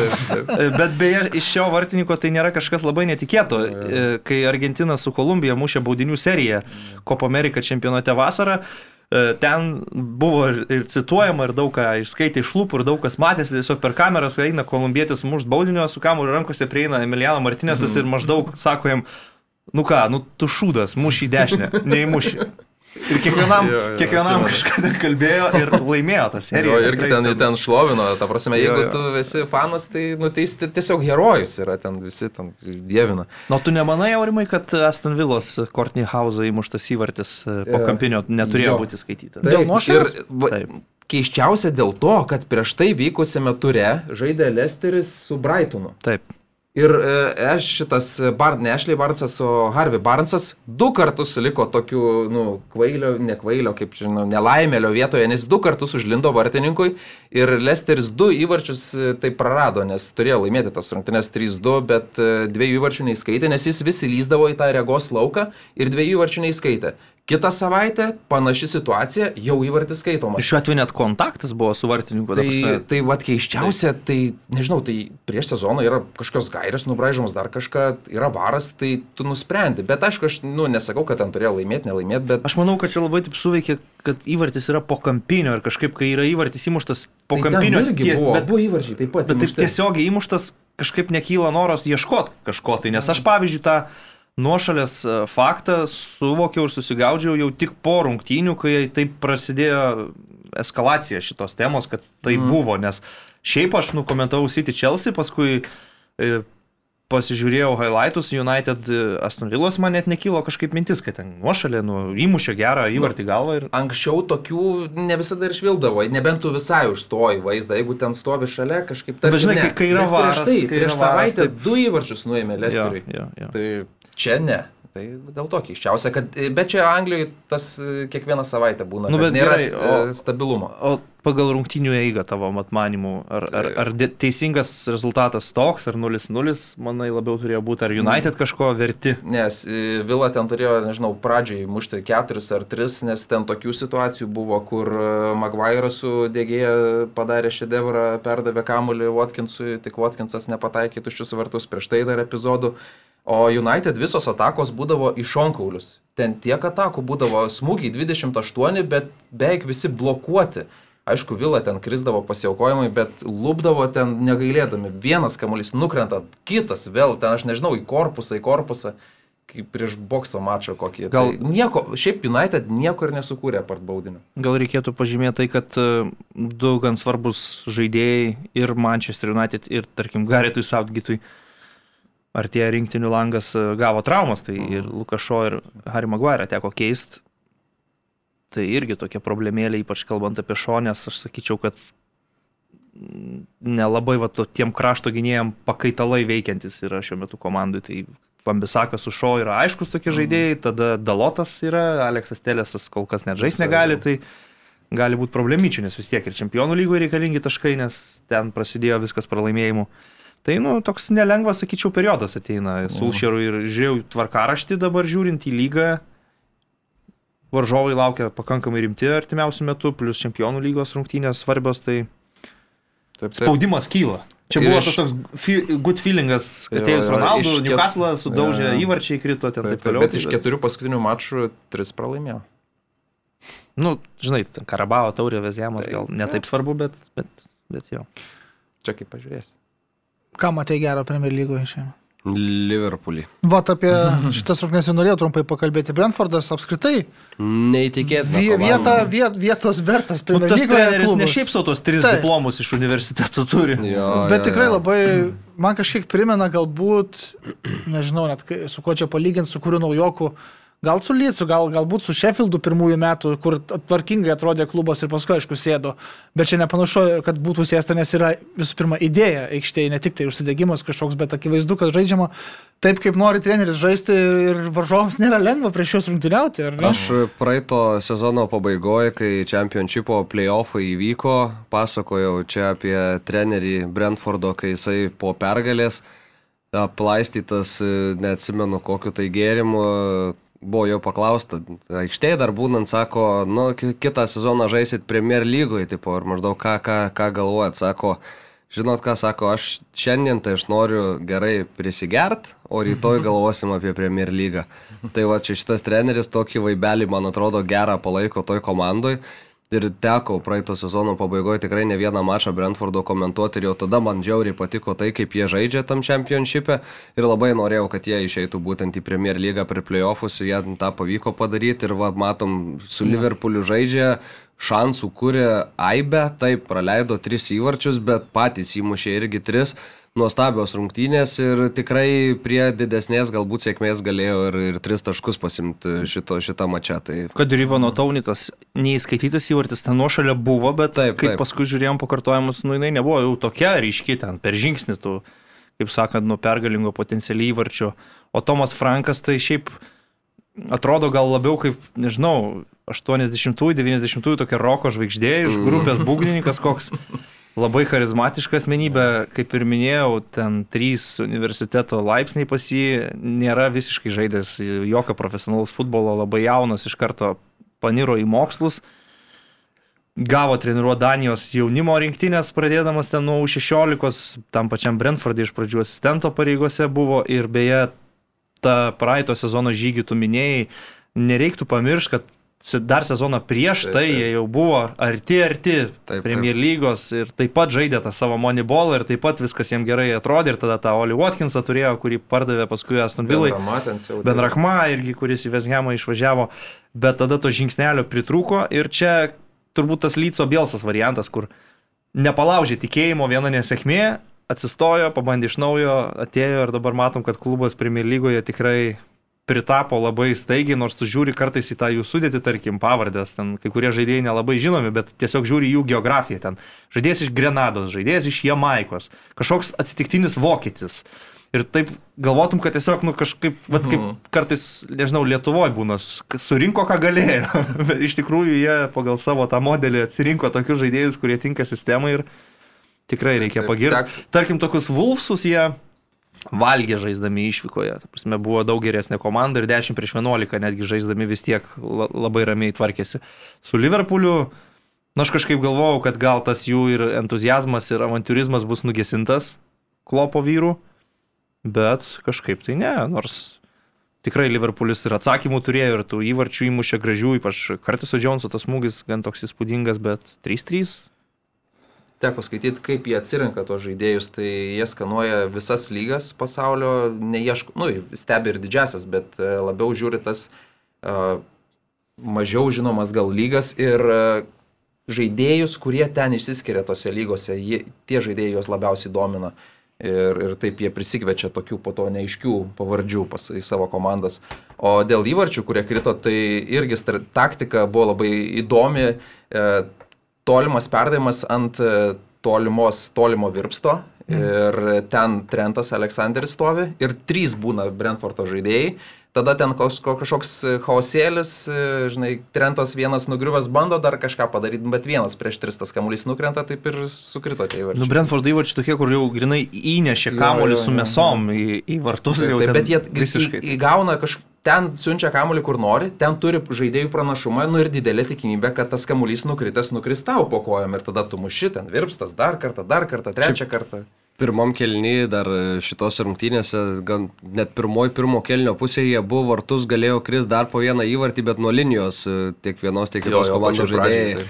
Aišku, Liverpoolio futbolininkui buvo šiek tiek lengvesnė misija negu Brentfordo, nes tas jau vargšas ten pats į tinklą susisuko, o Bet toks jo įdomus, kad pirmo kelio pirmoji pusė. Bus labai įdomu man pamatyti e, šitą Tomaso Franko projektą prieš, prieš Pepo komandą. Mm. Kaip, kaip tai atrodys ir kokia, kokia kova ten bus, tai tikrai. Kokia, kaip Bet aš pernai laukiau, atsimenu to mačo Lycas Sitis. E, tai buvo toks atviras futbolas, baigėsi vienas vienas. Atsimenu, Nes progų neišnaudojo, aš taip, taip, jo atsimenu. Ten nere, nerealus buvo, bet visiškai atviras. Vieni pasileidžia, kiti pasileidžia, vieni pasileidžia, kiti pasileidžia. Tai čia tas pats vyko. Ir vyks gal. Gerai, ir vyko Šiaurės Londono derbis vakar, taip pat e, Arsenalas 3-1 įveikė mm. Tottenhamą. O, prašau. Prašau. Jo, e, aš tiesą sakant, džiaugiuosi, kad nemačiau šitą rungtynį, turėjau darbą vakar ir visiškai sutaupiau daug nervų. Tikėjausi, kad tai baigsis maždaug mačas, ne tai, kad vyliausi, bet e, maniau, kad gali būti kažkas panašaus. Tai trečią įvartį tik pažiūrėk ir suprasi, kas vyko tas. Uh, kažką aš skaičiau, kad ten kažkas krito, ten krito, nepataikė. Keinas, jo, Keinas gynėsi. Viskas suėjo į vieną. Keinas gynėsi, bet jis iš, pradžių, jis iš pradžių darė tokį šokį su kamoliu, išsuko savo čiurnas abi dvi. Tada bėgo gintis, tada čiuo čiuožė baudos aikštelėje. Perdavimą ten atliko realiai to pradžiažimų. Ja, ten Keinas geras nelaimėlis. Vienoje aikštės pusėje. Sakyčiau, toks low lightas gal net Keino karjeros totinėme. nu jo. E, Nuno bolas, kaip sakoma, toliau tęsiasi. 3 pirmi mačai 1-0, 1-0, 1-0, 0-3, 0-3, 1-3, bent jau iš tų rimtesnių mačų, ar ne, neskaičiavom čia konferencijų lygos ir lygos taurės. Ir tai tas vienas įvartis, taip sakykime, įmuštas nu, kai susidūrė Džekas su Maura, Džeką patyrė traumą ir liko gulėt, veiksmas tuo metu jau vyko, arsenalas liko be vieno žmogaus, atsivėrė skiliai, ta kišenė mm. įėjo. Aš nemačiau. Įmušė. Tai, tai aš tiesiog taip komentuoju, kad net ir tas vienas įvartis toks buvo, nu, iš atsitiktinės įvykusios situacijos, nusakykim ten. Bet, bet, bet klausyk, ką skaičiau, tai antram kelniui buvo geriau žaidžiama negu pirmajam, kuris buvo košmariškas. Matai, antram kelniui, mano, mano manimu, kad e, Arteta pasirinko saugot rezultatą labai jau taip A. atsargiai. Ir vienu metu pajutė turbūt ir jis pats, kad jau labai užsileido Tottenhamą savo ant kupros ir tada Arsenalas bandė vėl pradėti žaisti, kažkiek susigražinti kamulio kontrolę. Tai tas, kad Tottenhamas pradėjo žaisti kažkiek geriau, susiję ir su to, kad Arsenalas šiek tiek susitvarkė reikalus pirmam kėlinį iš tikrųjų. Ir, ir nu, mm. nežinau, man tai labai liūdna buvo. Bet jeigu Keinas būtų Keinas, jisai ten būtų porą galės uždėti. Nu, būtų... bet čia tas poros uždėjimas, man atrodo, netame slypi visa esmė. Pirmą kėlinį, žiūrėjau, tai- man liūdna buvo žiūrėti tiesiog į Tottenhamo žaidėjų nusiteikimą, aš sakyčiau. Taip. Arsenalas juos visų pirma norų motivaciją ir kovingumų paėmė. O paskui jau ten gali žiūrėti taktikas, ką ten Artetas sudėliojo, ką, ką Dūnų. Pir, pirmą įvartį mačiau. Arsenalą pirmą įvartį, ja. ta prasme, kur praėjo Berat Saka, ar ne, vienas prieš vieną ja, dešiniai, ja, paskui parideno kamuolį baudos aikštelės vidurį, ten pribėgo tiesiog laisvai. Smithas Rau ir parideno ten per du metrus nuo vartininkų, praktiškai tuščia vartų pusė, kamuolį gynėjai, kur, kur centras, ta prasme, ten buvo erdvių kokiam trim arsenalo žaidėjim, veikti ką nori, parūkyti, ja. bet bados išteias vidurį, ta prasme. Nu, sakas, tai va čia man buvo košmariškas, kur, kur Hoibergas, kur Dombelė, kad nespėjo, tai faktas, bet, nieko nuostabaus, bet kur, kur, kur Hoibergas, kur, kas Sančiasas veikia iš viso, kas čia per gynėjas. Nu, aš labai atsiprašau, yra klausimas Aidoje Sulevičius, ar yra bent vienas prūsų gynėjas, kuriuo aš asmeniškai tikrai pasitikiu ir kurį galėčiau vadinti aukštos klasės žaidėjų. Ne, na galbūt regionas, bet jisai yra krašto gynėjas. Nu, iš centro gynėjų, jeigu leistų, leistų įsižaisti Kristianui Romero, man atrodo, jis galėtų toks būti. Bet e, kažkodėl paima, va, šna ir neleidžia. Leidžia pažaisti lygos taurį, kuri apšiai yra dzin visiems. Mm. Ta prasme, tai jeigu tu nori trečią kartą išėlės po mačo neapgalėstauti dėl to, kad mm, vėl netai pasirinkau sudėti, tai gal tu neleisk su atsiprašau, Vulfsais žaisti to paties Keino, to paties Ndombele, kuris nepabėga 90 minučių, tada gal nebus problemų. Nu, nu nuo bolas, atsiprašau. Bet, nu, tai bet, iki klausyk, kalėdų jo nebebus. Bet, bet, bet šitą, bet ten aikštės viduryje verkiant trūksta kokybės, jeigu tu, nu, jeigu tu 0-3 pralaimint meti į kovą Oliveris Kipo, kad jis pagerintų situaciją. O tai ką, tai Vinksonas? Guliamo, bet Vinksonas. Nu, kovingumo atsirado daugiau, bet tokio tai ironija, kurėjo žaidėjo, kuris su kamoliu būtų kaip playmakeris arsenalas susimedžioja savo Edegorą, tarkime kuris labai gerai atlieka daug funkcijų ir, ir su nu, kitais nu, tai, jaunuoliais, Smituraus. Galėjo bent jau Loselsą užsileisti, neleisk nu. prieš Vulfsus savaitės vidurį Loselsų į startą, leisk šeštadienį, sekmadienį prieš Arsenalą. Ne, paleisim va dabar va Hoibergas su Dobelė, kurie būtų gali būti geri žaidėjai, bet gali būti ir medžiai. Nu, buvo dar toks Deleali vyrukas. Deleali buvo pamirštas ir Indombelė buvo pakeltas į atakuojančią saugo poziciją. Galva ten pamušė kamuolį. Bet, bet, bet matai, aš kažkaip vis tiek, nežinau, sakyčiau, man didžiausias nusivylimas iš Tottenhamo pusės buvo nusiteikimas tiesiog rungtynėms, ta prasme, kad arsenalas juos valgė nuo pat pradžių. Nu, tai ir kas juos turi nuteikti? Ir, ir treneris turi nuteikti. Nu, treneris, aš tau sakiau nuo pirmos dienos, kai jis buvo paskirtas, kad Fizukas. čia yra padaryta dar viena Danielio Levi klaida, kad pasamdytas dar vienas netinkamas strategas. Nu, tai matyt, šeštas variantas buvo nu, jo, žinai, aštuntas. Nu, nežinau, aš nuo pirmos dienos labai skeptiškai žiūrėjau į šitą Nūnų ateimą. Uh, kai laimėjo tris rungtynės išėlės ir gavo mėnesio trenerio apdovanojimą, mano požiūris niekiek ne, nepasikeitė, nes aš mačiau tas trijas rungtynės, kaip jie jas laimėjo ir kas ten buvo aikštėje. O tai, kas vyksta dabar, nu man irgi didelio e, šoko ir nusistebėjimo galbūt nekelia, bet arsenalo toks atsigavimas ir čia toks gal atspirties taškas, žinai, laimėtas derbis, jie e, palaužė ten Barlį, Noridžą 1-0, tokios pergalės išstenėtos, išvarktos, iškentėtos, dabar rungtynės, kur jau tikrai pasirodė uh, turbūt ką jie gali, kaip jie gali žaisti tranzicijoje, turint e, Saką, Edegorą, Smitarau, turint Abomejangą, kuris buvo, nu, aš tokio seniai užsidegusio, nemačiau Abomejango, kad šitai patidirbinėtų. Tai atšventė kaip Terienry, e, įvartį, o Terienry tribūna, bet... Tai bet žinai, įvartis įvarčių, kad įsimušt galime mes ir taip žinom, bet jau daug rungtynių ir praeito sezono matydavos toks apatiškas Abomejangas, kuris... Betgi buvo priežasčių, mes žinome. Nu, matyt, kad taip. Čia jis tiesiog skraidė ir Nu, jis ant tokį čiuoždavo. Pavyzdį, pavyzdį rodė. Metrus, tiesiog jo. bėgant vartininkų ir čiuožė. Ir žinai, panika. Atsižvelgiant tai, kad Arsenalas nežaidžia Europoje, dabar, kai daug jų problemų su traumom ir lygom išsisprendė, kai dešiniam krašte Japonas Tomijasu tikrai rodo mm. gynybą, o ne Sedrikas Suarešas, kur ten klaunada pastovi būdavo arba Beirinas. Jeigu jų nekamuos labai traumos ir va šita sudėtimi daug maž, jie galės mm. žaisti kiekvieną savaitgalį, aš sakyčiau, kad dar visai gali ir neblogą sezoną patraukti artetą. Nors po pirmų trijų turų buvo 0 įvarčių, 0 taškų. Taip. Tottenhamo buvo 9 taškai, 0 praleistų. Bet dabar jau lentelė aukščiau. Apsiverčia viskas aukštinkojom.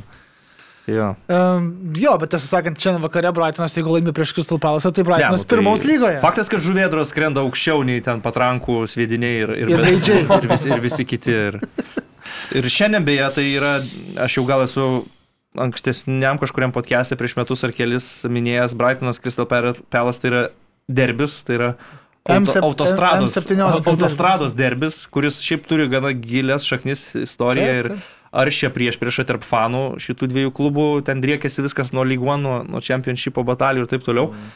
Tai visai turėtų būti vertos dėmesio rungtynės, nes tas pats Crystal Palace irgi tokia įdomesnė komanda šį sezoną galbūt su Patriku Viera. Man tai... tiesą sakant, Brightonas pirmą kartą juos stebėsiu, beje, šį sezoną kažkaip vis neišpuldavo. Mhm.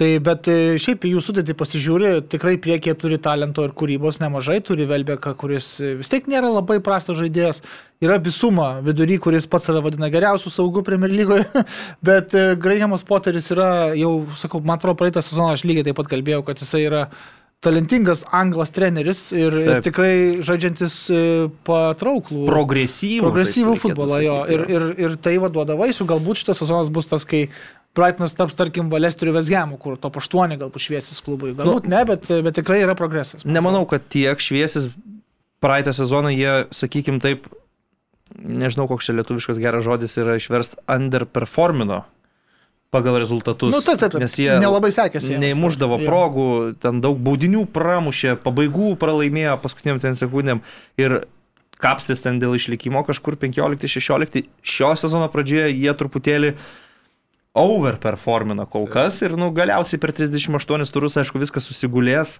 Aš nenustepčiau, jeigu šiandien, tarkim, jie pralaimės Crystal Palace, kur yra labai fiziška komanda, kuri gali tikrai daug problemų pridaryti. Bet bendrai paėmus tai sutikčiau, kad Grėjimas Poteris beldžiasi kaip vienas tokių įdomesnių trenerių anglų jaunų. Tai ir, ir buvo, atsiprašau, kad grįšiu prie Nuno, bet aha. buvo ir Levio, tai buvo svarstamas kaip vienas iš gal trijų pagrindinių kandidatų pasikviesti į Tottenhamą, ta prasme, tai būtent. Vėl svarstyti. Nu, nieks neis, nu, bet jau vėlų, ta prasme, nu, bet dabar tai bet, vėl va, Grainas Meisnas. Aišku, žinai, čia tuo hindsightu kalbėti dėl Nuno, tai aš iškart sakiau, kad tai yra blogas sprendimas, bet tarkim dėl Keino irgi dabar jau Sako visi, nu tai ką, 150 milijonų galėt pasimti, rebildą daryti, nepasiemėt, kiek dabar pasims už Keiną po metų? Gal ir mažiau? Siti sakys, žiūrėkit, čia tas... Tai Holandas bus už 7-5. Tai Keinas, jeigu, nu. jeigu ta, na, aš nemanau, kad Keinas taip blogai žais ir atrodys visą sezoną, ta prasme, bet, bet nu, pagal tai, kaip dabar atrodo, tai klubas, kuris jį bandytų pirkti, daug turi argumentų numušinėti kainą, kad Hebra, jūs čia Ką jūs?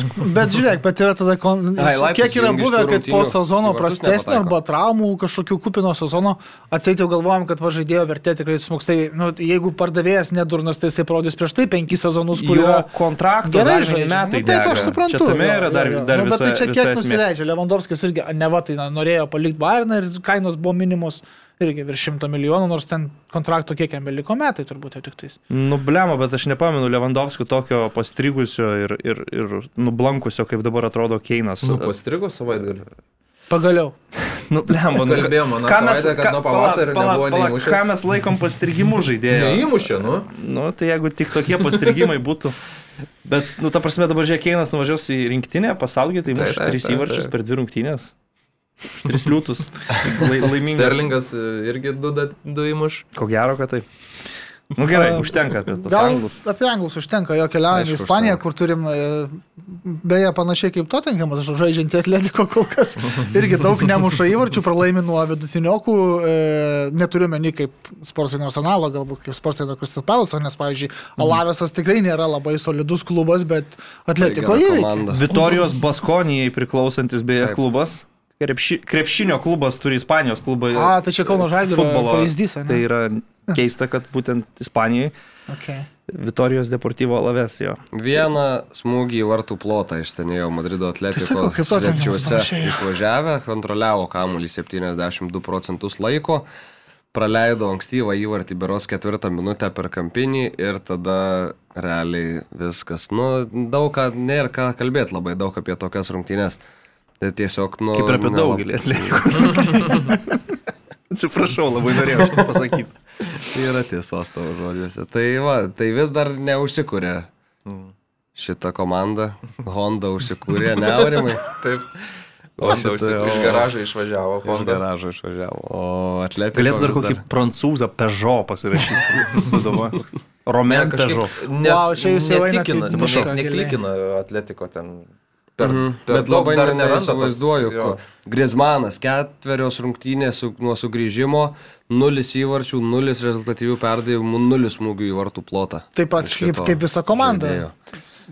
Aš dar pažymėčiau, kad jie čempionų lygoje turi pakankamai klastingą grupę Aha. su Milanu, Liverpooliu ir Portu ir tarkim pradėjo savo kampaniją lygiosiamis su Portu namie 0-0.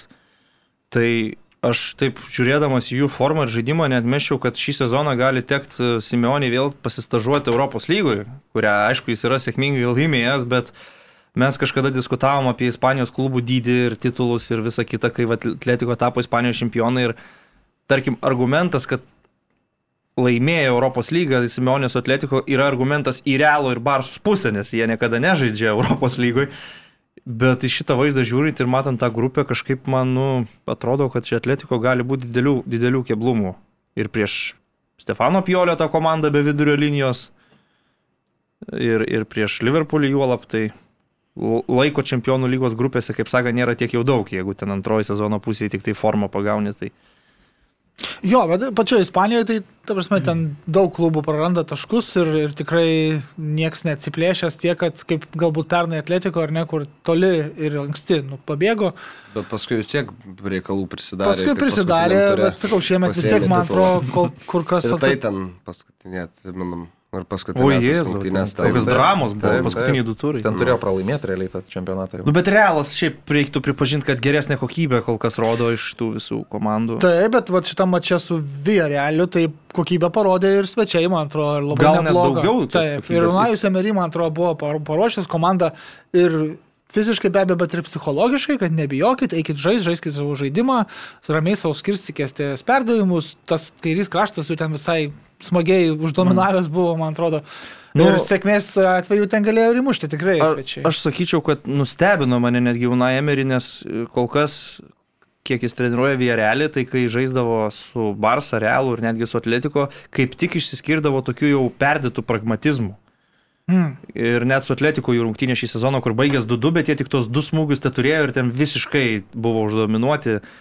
Ir čia jie išvyko prieš Realą, mane tikrai nustebino, kad nuo pradžių žaidė, turėjo kamulio kontrolę, įžaidinėjo drąsiai iš presingo išeidinėjo ir nebuvo tokio atsispardimo iš, iš vierelio pusės ir su spaudimu tvarkėsi, ten tikrai rungtinių pabaigoje jau bandė realas jau tą spaudimą maksimalų daryti, sakykim taip. Man labai patiko jau ne pirmas rungtinės iš vierelio Danjuma, Olandas jaunas krašte žaidžia. Nepavyko jam išnaudoti kelių progų, bet ta technika... Aha, ir jisai šiaip galingai atrodo. Kamulio pats. kontrolė, viską labai taip toks atrodo įdomus e, žaidėjas.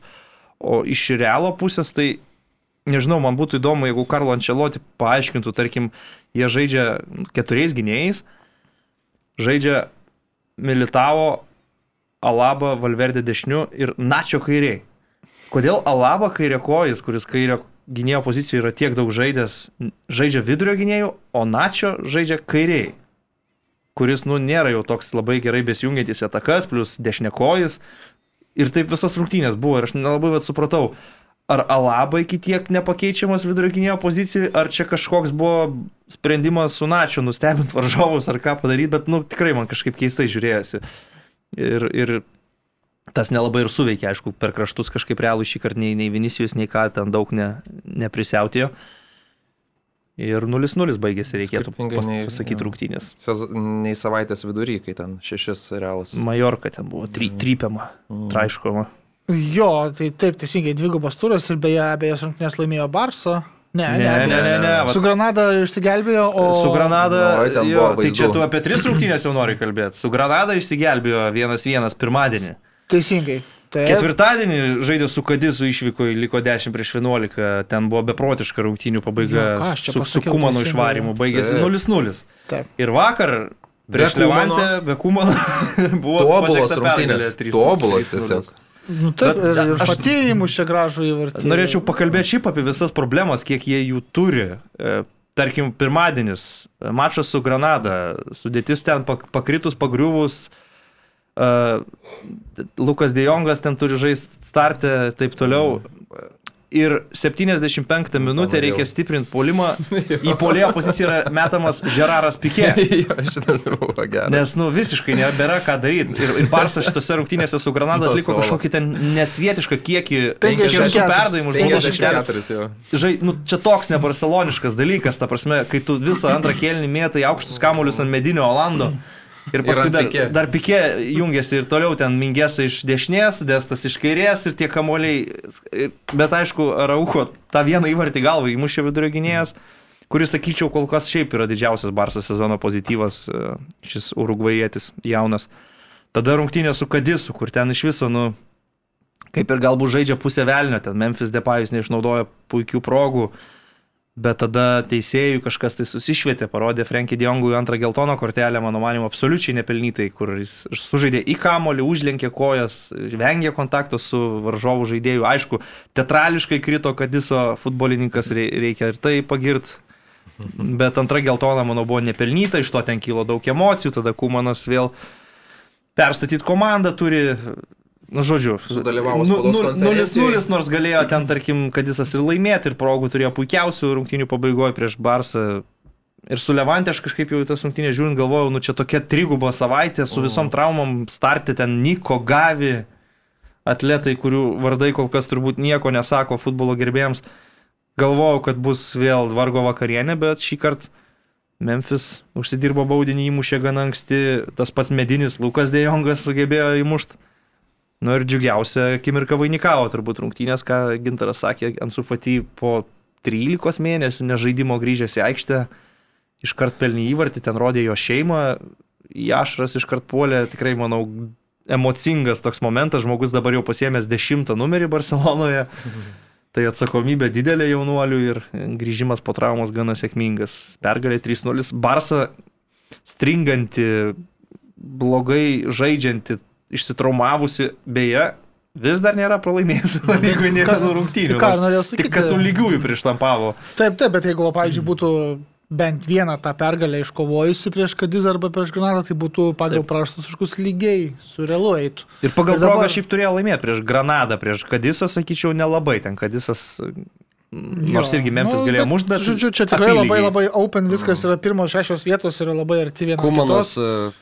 Kai buvo išvytas iš aikštės, po to kalbėjo, sakė, nesuprantu, aš tų teisėjų, sako, jie man ne, ne, niekada nepaaiškina, už ką ten ką duoda, pasakė tik tai, kad dėl mano elgesio. Ir šiaip dar kalbėjo apie tai, nes Ispanijoje labai jau pla, populiari tema yra Kumano darbo Barcelonoje pabaiga. Mhm. Tai pasakė, na ir sako, karo prie žiniasklaidą nelaimėsiu, jie ką rašo, tą rašys toliau, tai sako, neturiu ir ką labai daug čia kalbėti. Jo gera spaudos konferencija buvo. Suskaitė, kur išėjo? Tris minutės paskaitė ir išėjo. Nu, kumona... Turit mane gerbti, turit gerbti mus, kaip gerbė ir galiai ir viso gero. Švariai iš aikštės kumana, bet iš klubo dar kol kas nevaro. po, po šitos pergalės. Aš manau, kad jiem tikrai labai reikalinga yra iš tikrųjų rinktinių pertrauka ir toks lengvas re restartas. Aišku, dabar bus dar čempionų lyga, ten reikia taškų, nėra taip jau viskas paprasta prieš tą Benfiką, bet e, tas traumuotų žaidėjų sąrašas taip degina akis ir per rinktinių pertrauką matyt, kai kurie iš jų spės ir atsigauti, pasveikti ir grįžti ir po tos pertraukos, aš manau, matysim truputį geresnę Barceloną, nes dabar ir daug ką žaidžia ne savo pozicijose. Ten Destas tris rungtynės išėlės kairių gynėjų, kuris tu gyvenime nėra žaidęs toj pozicijoje jau nekalbant apie tos vaikus, kurių vis kažkokių naujų beje ištraukė Kumanas. Ten net manau ir Barcelonas labai aršiam tokiam ir gali, kuris visus reikalus seka, kiekvienos rungtynėse vis kokia nors nauja pavardė protokolė atsiranda tarptų registruojamų. Na, bet aš tai kažkaip džiugu, kad ištraukė nauji, ne, tai kas, nauji talentai. Ką daryti, kas, kas belieka? Nu, aš šiaip sakyčiau, kad geriau tegul ten bet kuris iš jų žaidžia negu Lukas Dejongas. Su, su pagarba šiam Olandui, bet nu, man žiūrėti Barcelonui, kaip žaidžia dvimetrinis Olandas ir jam kilnoja kamolius, yra, nu, siaubas kažkoks tiesiog. E, taip, tai pirmajame šeštėje dar atsidūręs yra ir Rajo Vajakano klubas, penktas šiuo metu laimėjo. Su Radameliu Falkao. Taip, ir vėl įmušė įvartį Radamelis, tai Žiūrėsim, žygioja kaip Brightonas. Gerai keliaujame į Italiją ir pas kitą traumuotą klubą ir, ir lentelėje kol kas vis dar žemokai tas klubas. Bet atsigauna panašu Turino Juventusas. Laimėjo prieš, jo, dvi pergalės iš eilės iškovojo. Bet jo, dabar prieš ką, prieš Sampdoriją laimėjo, bet iškrito ir Morata, ir Dybala savaitės viduriui yra gana svarbus, iš tikrųjų nelabai svarbus mačas prieš Chelsea čempionų lygoje, vis tiek tos abi komandos žygiuosi. Malmė ir, Zenita reikia. Jo, nu kažkaip, nu, kam čia verkti, sakyčiau, Paulo, nereikia čia verkti, nes e, galima... Aš manau, Paulo ne, ne dėl to gal verkia, jisai turėjo tas chroniškas raumenų problemas. Nu, taip. Ir sakykime, dabar jisai abiejas rungtynės žaidė labai gerai, kaip tikras toks lyderis, kapitono raištis ant rankos, įmušė puikų įvartį ir tada vėl atsinaujina tau tos pačios problemos. Tai manau, tos emocijos sukilo ne dėl to gal, kad ten prieš Čelsi nesužais, o tiesiog dėl pačio proceso, kaip, kaip, kaip mm. viskas čia atrodė. Tai gal ilgai nebus labai iškritęs. Nu, tos tokios raumenų jo, problemėlės dažniausiai porai savaičių atkrenta žaidėjai, bet jis labai erzinančios traumos, kai tu negali treniruotis, turi tiesiog ilsėtis ir kol praeis. Tai, nu, nu žaidėjai, žaidėjai iš, iš ritmo išmuša. Nu, jo, turbūt. Bet šiaip, aš sakyčiau, tos ir pergalės labai nervingos, jos aišku buvo žiauriai reikalingos dabartiniai stadijoje Juventusui, bet e, paėmus mačą su Specija, tarkime, labai prastas žaidimas pirmam kelnynui, nors ir įmušė Moizekinas, bet toks nu, individualus įvartis, o komandinio žaidimo vėl jokio nebuvo. Galiausiai Specija net sugebėjo išsiveršti priekį 2-1 pasinaudojusi Juventuso kol kas labai skilėta gynyba ir klaidomis, kurias daro net ir tokie čempionai kaip Bonucci. Ir, ir prie rezultato 2-1 teko prakaituoti ir pavyko ištraukti rungtynės, Kieza lygino ir dėl liktas beje įmušė pergalingą įvartį po standarto, bet koja taip smūgių tarsi geras polėjas būtų.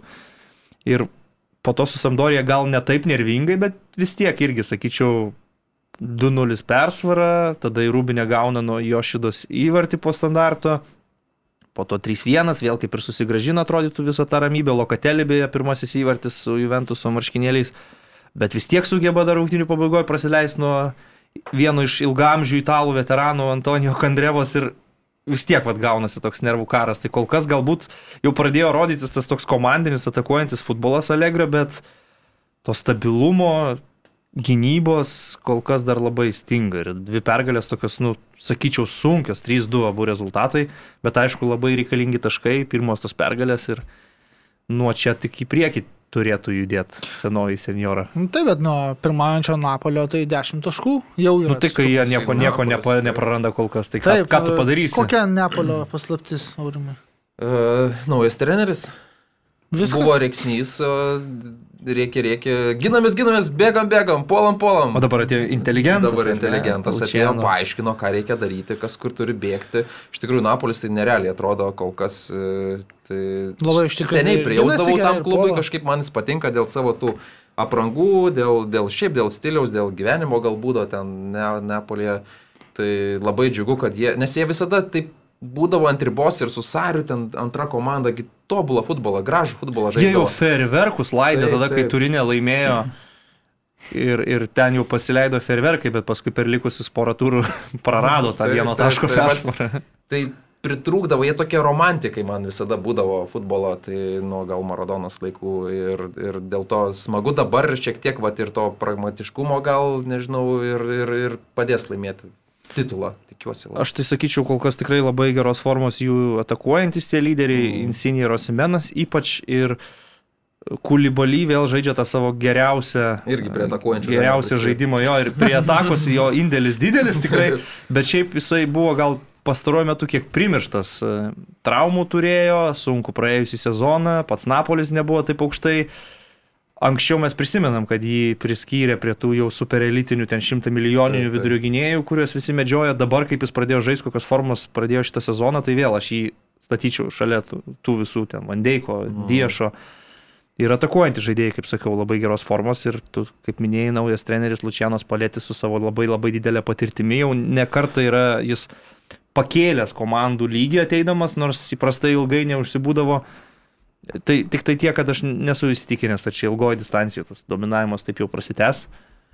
Bet kol, bet kas, bet kol kas labai smagiai viskas. Ir svarbiausia, tos pergalės tokios labai užtikrintos. Dabar jie vėlgi dvigubo savaitę, Kalierį 2-0 ramiai namuose, prieš tai, prieš tai 4-0 išvyko su tą pačią Samdoriją, kuri šiaip yra viena tokių vidutiniokių, gana stiprių su veteranais, gerai žaidėjais. Tai Su penkiais taškais šiuo metu Samdorija. Kitas pastarasis tris rungtynės, atsiprašau, jų įvarčių balansas yra 10-0. Taip, taip. Taip. Taip, fantastiška. 16-2 bendras santykis po... Pastaroji komanda, kurį įmušė Napolių, be jokios abejonės buvo Lesteris Europos lygoje. ir ten turi gerų žaidėjų, Irvinas Lozana ten nuo suolo kyla, man. Ne, tai taip, sukomplektuota komanda pakankamai gerai. Ir kol, kol kas traumų nėra, kas beje pas Napolį būdavo problema jau ne vieną sezoną, kad vis krisdavo tie žaidėjai kaip lapai. Taip, tai antras kol kas Milanas, kuris įveikė speciją savaitgalį, o trečias Interas, kuris 2-2 sužaidė su Atalanta. Na, reiktų gal šitas rungtynės šiek, šiek tiek paminėti. Šiaip aš labai norėjau Romos derbį, bet... Nu, aš labai trumpai galbūt ir šias rungtynės, nes net ir Twitterio karys Martinas Deronas rašė, kad būtinai pažiūrėkit highlightus, nes čia žaidėm fantastiškas rungtynės, tai turiu pritarti jam, nes beprotiškai emocingas toks mačas, e, emociniai kalneliai, ten buvo Atalantos netgi pergalingas įvartis, po kurio jau visa komanda pašventė ir teisėjas tiesiog visus galiausiai nuramino ir sako, Hebra, nesiskaito tas jūsų pergalingas įvartis, bet ir, ir Intero tas prasileidžia, atsigauna, išsiveržia į priekį ten Martinės Lautaro fantastiškų įvarčių, tada Ruslanas Malinovskis atsako visišką patranką ten iš kairės kojos tikrai buvo labai labai kokybiškos, tokios emocingos rungtynės, baigęs 2-2. Tai Deronas ir turėjo ir daugiau veiksmo šią savaitę, bandė savo marškinėlius ten uždėti. Šitas geras buvo siužetas iš tiesų. Jo, paieškokit YouTube, man atrodo, geras, kur yra, Deronas kviečia praleisti su juo kelias valandas Atlantos ir, klubo parduotuviai. Taip, ir galiu, kuris ateis ir nusipirks jo, jo marškinėlius, jisai uh, sumokės už marškinėlius ir pasirašys ant jų. tai galiausiai baigęs to, kad Deronas ten leido laiką ir ateina darbuotojas, sako, jau pusė aštuonių. Jau, jau. Sorry, sako. Užsidarom. Na, nu, aišku, mes suprantam, kad čia bet pavaidinta yra gerai, gerai padaryta. Jo, jo. Ir pačio žaidėjo, nu, kaip sakyt, vaidybiniai sugebėjimai. Taip, taip pakankamai gerai. Bet jis jau sen, senokai garsėja, mm. tokiu, tokiu humoru. humoru labai, jo, jo, garsėja. Geras. Džeimsas Milneris irgi. O, nu, Džeimsas Milneris, matai, iš pradžių buvo sukurtas Boring James Milner personažas, Taip. o tada jis jau iššoko į to personažo traukinį ir uh, ten ypač per karantiną žolę, jo, jo, jo, jo. Bet čia jau matai, kaip sakant, jiem buvo dirba paruošta, o Martinas Daronas grinai ant savo personažo mm. charizmos pasistatė savo Twitter'e. Yra, yra tokių gerų. Ir Peteris Kraučas man irgi patinka, jis ja. juda neblogai. Taip, taip, tikrai. Taip, Romos, taip, Romos derbis. derbis. 3-2 Lacijo namuose. Namuose, nu, vis tiek, teoriškai namuose. Olimpinėme Romos stadione. Jo, šventė pergalę prieš Romą. Mūsų LFF. Derbis. Jo, bet Maurinė vis tiek negalėjo turbūt ne, nepaversti savęs šitų rungtynių žvaigždė pagrindinė. Ne? E, po rungtynių jis tenais e, iš spaudos konferencijos išbėgo, vėl jis ten supykęs ant žurnalistų. Varą kritikavo. Varas, viskas blogai, po rungtynių, aišku, irgi Lacijo kaip ir turi teisę švesti, laimėjo derbį, kuris yra svarbus abiem komandom. Morinio į vidurį susišaukė žaidėjus, važiuokit į mane, kaip aš motivuoju komandą, tuo metu Saris ten realių. tas geras. Bet čia tokių bizoninių trenerių. Sarį prieš Maurinį, Romos derbis. Nu, um, šiaip prasidėjo tos jo. rungtynės gan tokiu nemaloniu epizodu, kai, na, neprasidėjo ten ne, ne, ne pirmą, ne antrą minutę, bet kai Savičius mušė įvartį galvą, kaip kokį galvą nuo vartininko nokautą, atrodė, kad iš, iš klumpių išvertė ir kažkaip nebejojau, kad prireiks keitimo, nes matys ir iš komandos draugų reakcijos, kad situacija tikrai ne pati geriausia, bet, bet paskui kažkaip, kažkaip atsigavo. Bet ir Rui Patrysiu neapkaltinsi, ten nu, labai jo, jo. žaidybinė situacija, bet... aš manau. Nubremo, kamolys lekia jau, kai vartininkui į jo teritoriją leidžiasi, kamolys jis jau nemato jokių barjerų, eina. Bet... O Savičius galva padarė. Tas realis. Nu, bet vartininkas turi, nu. Bet nu, man patiko sulėtintas vaizdas to įvarčio. Savičius, jisai muša ir jisai mato, kad atskrieja ir jau veidas taip, jau, jau pareina smūgis. Ir... Bet įmušė žmogus įvartį, komandos draugai bėgo iš pradžių ją sveikinti, tada pažiūrėjo, tada pradėjo šaukti medikus visi į aikštę, nes nu šiaip tikrai juokas juokais, bet atrodė labai labai šiurpiai. Tai.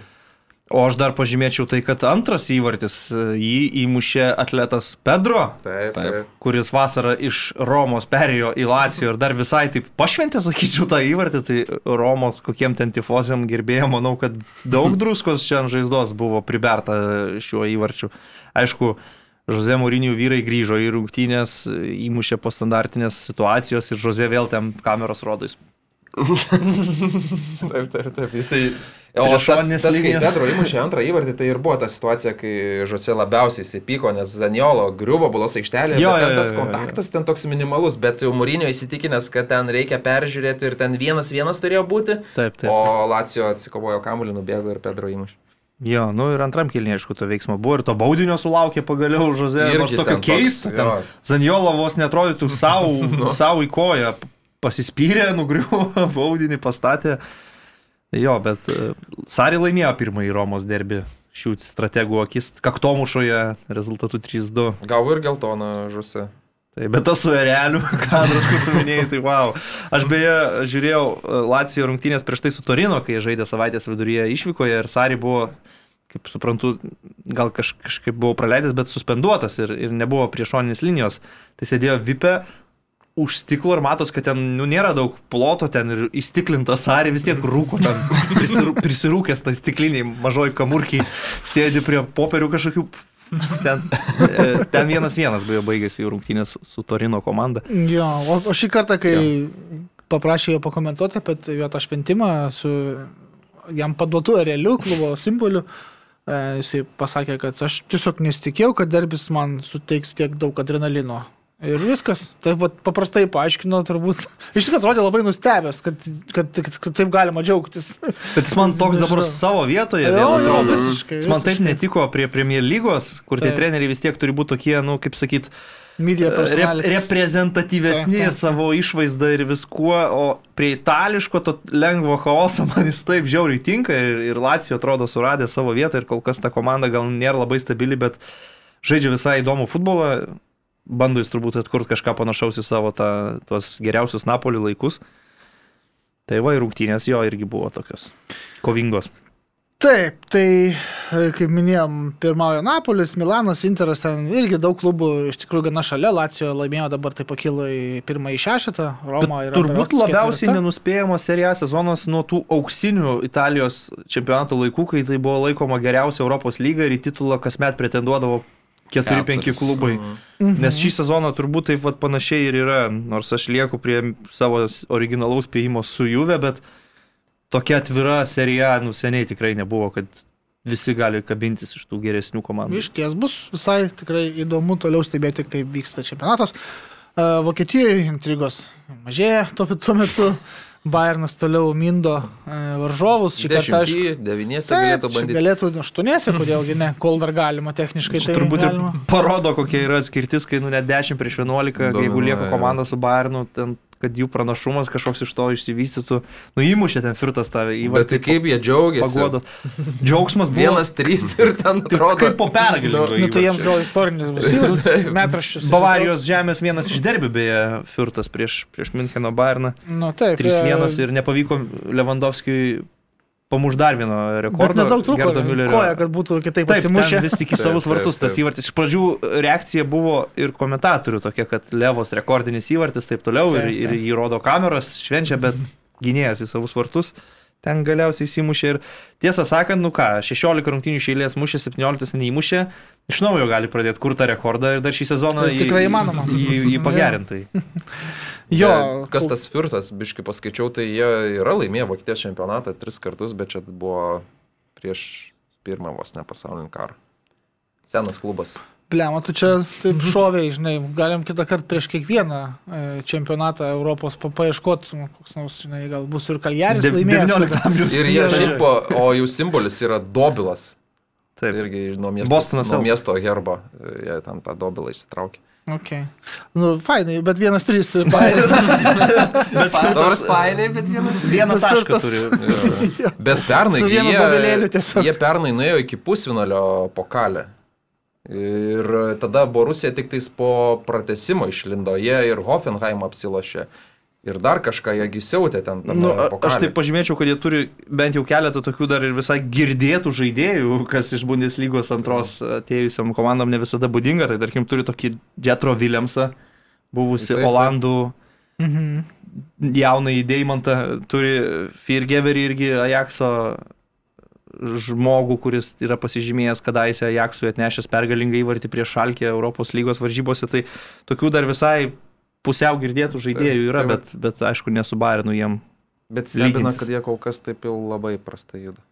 Taip, tik tai vienas taškas absoliutus outsideriai Bundeslygoje. Bochumas lenkia. Jo, Dortmundo Borusija susitiko su bendravardė Borusija iš Menkagladbacho, išvyko ir pralaimėjo 0-1, buvo ten ir e, žaidėjas išvytas vienas po dviejų geltonų kortelių. Nu, Dahudas, ar ne? Bet... Jo, Dahudas, bet aš sakyčiau, antra geltona kortelė man tokia labai jau griežtokai Denisas Aitekinas nusprendė ten parodyti antrą kortelę, nes šitų rungtinių metų panašių pražangų, panašaus laipsnio pražangų buvo gan daug ir tikrai ne už visas jas parodė kortelių, tai nepasisekė ir pačiam Dahudui ir manau, kad Dortmundo Borusijai dėl to išvarimo, bet šiaip, nu, Dortmundas reikėtų pasakyti, kad į rungtynės atėjo visiškai netikėtai prie visų traumuotų žaidėjų, kurie jau ir taip yra be Holando ir be Roiso. Ir tai buvo tiesiog kaip iš gėdro dangaus žinia paskelbus sudėtis. Niekas nežinojo, kad jie nežais ir paskelbus sudėtis. Tiesiog nespėjai pakeisti, ar ne? Tai fantasy čia, kaip sakyt, mažiausiai svarbu šiuo atveju rungtynių kokybė tiesiog taip, taip. kenčia nuo to ir, ir tiesiog, kai jau paskelbtas buvo sudėtis, nėra Holando, nėra Royce ir tada jau klubas išplatina, kad pas Royce ten kažkokia problema, pas Holandą raumenys ir negali žaisti ir, na, nu, iš tikrųjų be šitų dviejų savo lyderių, net ir iki Dahudo kortelės, Dortmundas nu, visiškai atrodė toks bedantis, beginklis. Gladbachui buvo ge gera terpė šiek tiek atsigaivinti nuotaikas, pasigerinti šito sezono pradžioje, nes tad sezono pradžia tikrai labai, labai nuvilinti buvo, nes šitos komandos daug kas tikėjosi, tarp jų ir aš, kad gali kovoti, nežinau, dėl čempionų lygos vietos, tai tikrai kandžioti su stipriausiais, bet e, pradėjo tą sezoną labai prastai. Irgi tai traumų daug buvo. Daug traumų. Aišku, ir treneris naujas, dar e, be abejo, tai buvo Marko Rozės sugrįžimas prieš, prieš savo buvusią komandą, su kuria tikrai pasiekė puikių rezultatų Rozė treniruodamas Menchengladbachą. Bet aš sakyčiau, kad net ir taip, vat, prieš tų visų aplinkybių, kad Dortmundas be Royso, be Holando, Dahudo išvarė iš aikštės, Gladbachui vis tiek gan sunkiai taip, sekėsi įrodinėti tą pranašumą ir tik 1-0 e, laimėjo, Zakarija įmušė dar pirmam kelinį. Bet tikrai rungtynės, kurių, kurių labai laukiau, tiesą sakant, vienas tokių laukiamesnių mano buvo savaitgalio mačų, jos išėjo ne pačios kokybiškiausias. Ten įprastai Dortmundas, kai žaidžia su Menchengladbachu, įvarčių būna gan daug, bet šiuo atveju tarkim, Borusija, nu, galbūt keli tokie baudos smūgiai kažkur tai link vartų, bet realiai net į vartų plotą nekarto ir nepataikė per visą rungtynės įdomu, ar ant čempionų lygos atsigaus e, lyderiai. Holandas su Roisu. Kiek rimtos tos yra jų jo, traumos. Ten, tas e, raumenų, ten, kažkaip, ten labai įdomus tas įsiriškimas, neaišku, kas ten. Bet buvo. aš nežinau, gal, gal tikrai kažkas yra pas Dortmundą su, su fizinio rengimo treneriais negerai, nes nu, tai jau nebėra normalu, kai pas juos pastovi yra po 12 traumuotų žaidėjų sąraše ir Ir geriausiai, aišku, tie komandų žaidėjai vis atkritinėja, nu taip, taip negali būti. Aš suprantu, kad būna vienas ar du ten tiesiog traumingi futbolininkai, nu, kuriems taip jau būna, kad nu, sudėtinga su jais. Koks neįmaras, tarkim. Bet pas Dortmundą nu, pastoviai ten atsidarai prieš rungtynės 12, 12 pavardžių. Ir, Šį kartą buvo 10 nu, sąraše iš viso. Nesąmonė kažkokia. Tai, tai Branto, Reinos, Šmelcis. Gal jie padaug, tu prasme, investuoja, žinai, į skautingą, į visą kitą, mm. į vyr trenerį, bet žiauriai pataupo ir ten fizrukas ten. Tai fisko, galima nuno išsiųsti. Fizinio lavinimo treneris koks nors iš mokyklos pasamdytas, kur ten at, at, atsitupimus daro žaidėjai per treniruotę. Nežinau, bet tikrai prasti reikalai.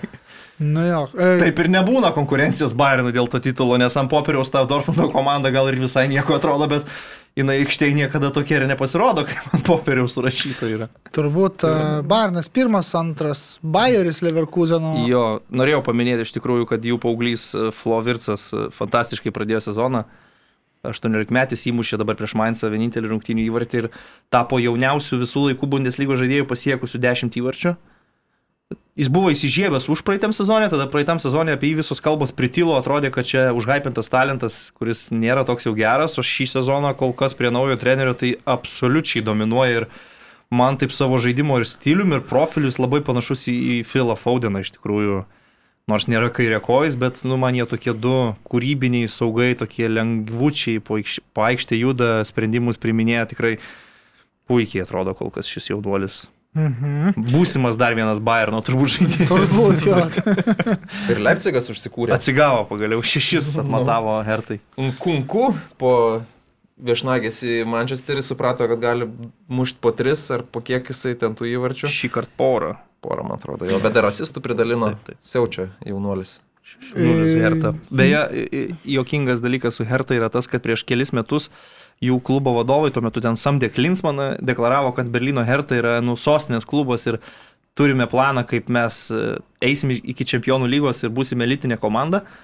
Tai per, nuo to pasakymo spėjo Berlyno Unionas pakilti į Bundeslygą, pateko į Europą, o Herta po šešis prasileidinėja nuo, nuo, nuo Leipzigo. tai va tokie reikalai. Jo. Berlyne. E, gal raukiam šiandien nu, tai gali, transliaciją rauk, šitą jau nebėra ką pasakyti. Dar tik norėjau... Nu, tai, kad Mesis nežaidė ir viskas. A, ja, nu, tai, tai apie čia... Prancūziją. Be, bet pasaža beje su savo blankiu žaidimu kol kas turi aštuonios pergalės iš aštuonių. Tai... Nu taip, taip. Nu, gal tas žaidimas ir nepagerės, ką tu žinai. Nu, bet Prancūzijos lygiai, kaip matom, laimėtų užteks. Bazer biteris muša. Jo, aš tai norėjau tik atkreipdėmėsi, kadangi jau prabilom apie PSG, tai norėjau tiesiog atkreipdėmėsi į uh, E, Manchester City tvarkaraštį, pradedant e, šeštadieniu, baigiant kitų šeštadieniu arba sekmadieniu, neatsimenu. Gal nuo antradienio pradėk? Ne, tai kas buvo? Buvo, Ai, mano nu, manimu, yra okay. trejos sudėtingiausios klubinėme futbole rungtynės, kokios gali būti, visos trejos išvykoje. Pirmiausia, su Chelsea jau laimėta. Dabar Paryžiuje bus rungtynės čempionų lygos grupė, grupė, tai gal ir nesidraskys labai, bet vis tiek tai yra įspūdingas bent jau vaizdas, ar nesusitinka mhm. dvi elitinės komandos. Ir kitą savaitgalį Liverpoolis išvykoje irgi, tai aš nežinau, ar gali būti komandai sudėtingesnis tvarkaraštis, va taip išpulti, kad per vieną savaitę tokie trys mačai. Nors nu, sakyčiau, jeigu vietoj, pažiūrėti, jeigu vietoj Paryžiaus dar būtų Münchenas, tai Aha, jo, va, tai, nu, tai, tas man ir yra, kad nes Paryžius dabar. Šiai dienai man kažkaip, kaip sakiau, pasažė prieš Man City, tai žaidžia komanda prieš žvaigždės, nes nusiti yra, nu, Super, ne, taip, taip, super tai komanda. Sakau, ant popieriaus vis tiek tai atrodo išbėgs daug žvaigždžių prieš komandą. Pamatai, tas bus emblemas dvi vienoje eilutėje šitas. 0-0 pasibaigs. Manau, vienas nulis, koks nors ten. Ne. Šiaip Paryžiui labiau reikia, aišku, taškų šioje situacijoje, nes jie jau su Briugė paslydo, tai jiems būt, labiau kaip ir reikėtų pergalės. Bet teoriškai turėtų ten man sitis taip uždominuoti, kad Na, pagal idėją tai, bet. Aš gal dar taip anonsuojant išskirčiau va, tikrai Milano atletiko rungtynės kaip svarbės ir, ir galbūt intriguojančias realas prieš Tiraspolio šerifą be jokios abejonės. Man United bet... realis bus įdomu vis tiek jo svarbos pačios labai reikia. O jų Večelsi, tu kaip ir minėjai, ten skamba gražiai, bet nu, koks kon kontekstas toks labai aiškus, tai netrodo super įdomi čempionų lygos tokia savaitė. Vis tiek bus tų mašų. Tai visada būna. Pasileisim šitą. Ajaxas įmušė šešis. Instant highlights. Be šiktašą, kaip tik atidaro turą. Aleras jau užsitaisęs, vėl jie. Jau keturis. Vėl rediviziją dominavo. Tai... Kiek šį kartą primušė? Šį kartą bent jau savaitgalio rungtynės netiek daug, tris, o savaitės vidurio jie gerai pamenu penkis gal. Okay. Bet jie ten kol kas ten skraido. Jų įmuš, įvarčių santykis yra 31 redivizija šiuo metu. Ir toliau žaidžia beje su tuo apkirpėjusiu vartininku. Tai nereikia jo tiesiog. Nu, nelabai. Gali ir išimti. Nelabai reikia jo iš tiesų. Skrajojančių gali vartininkų 30 dar geriau bus.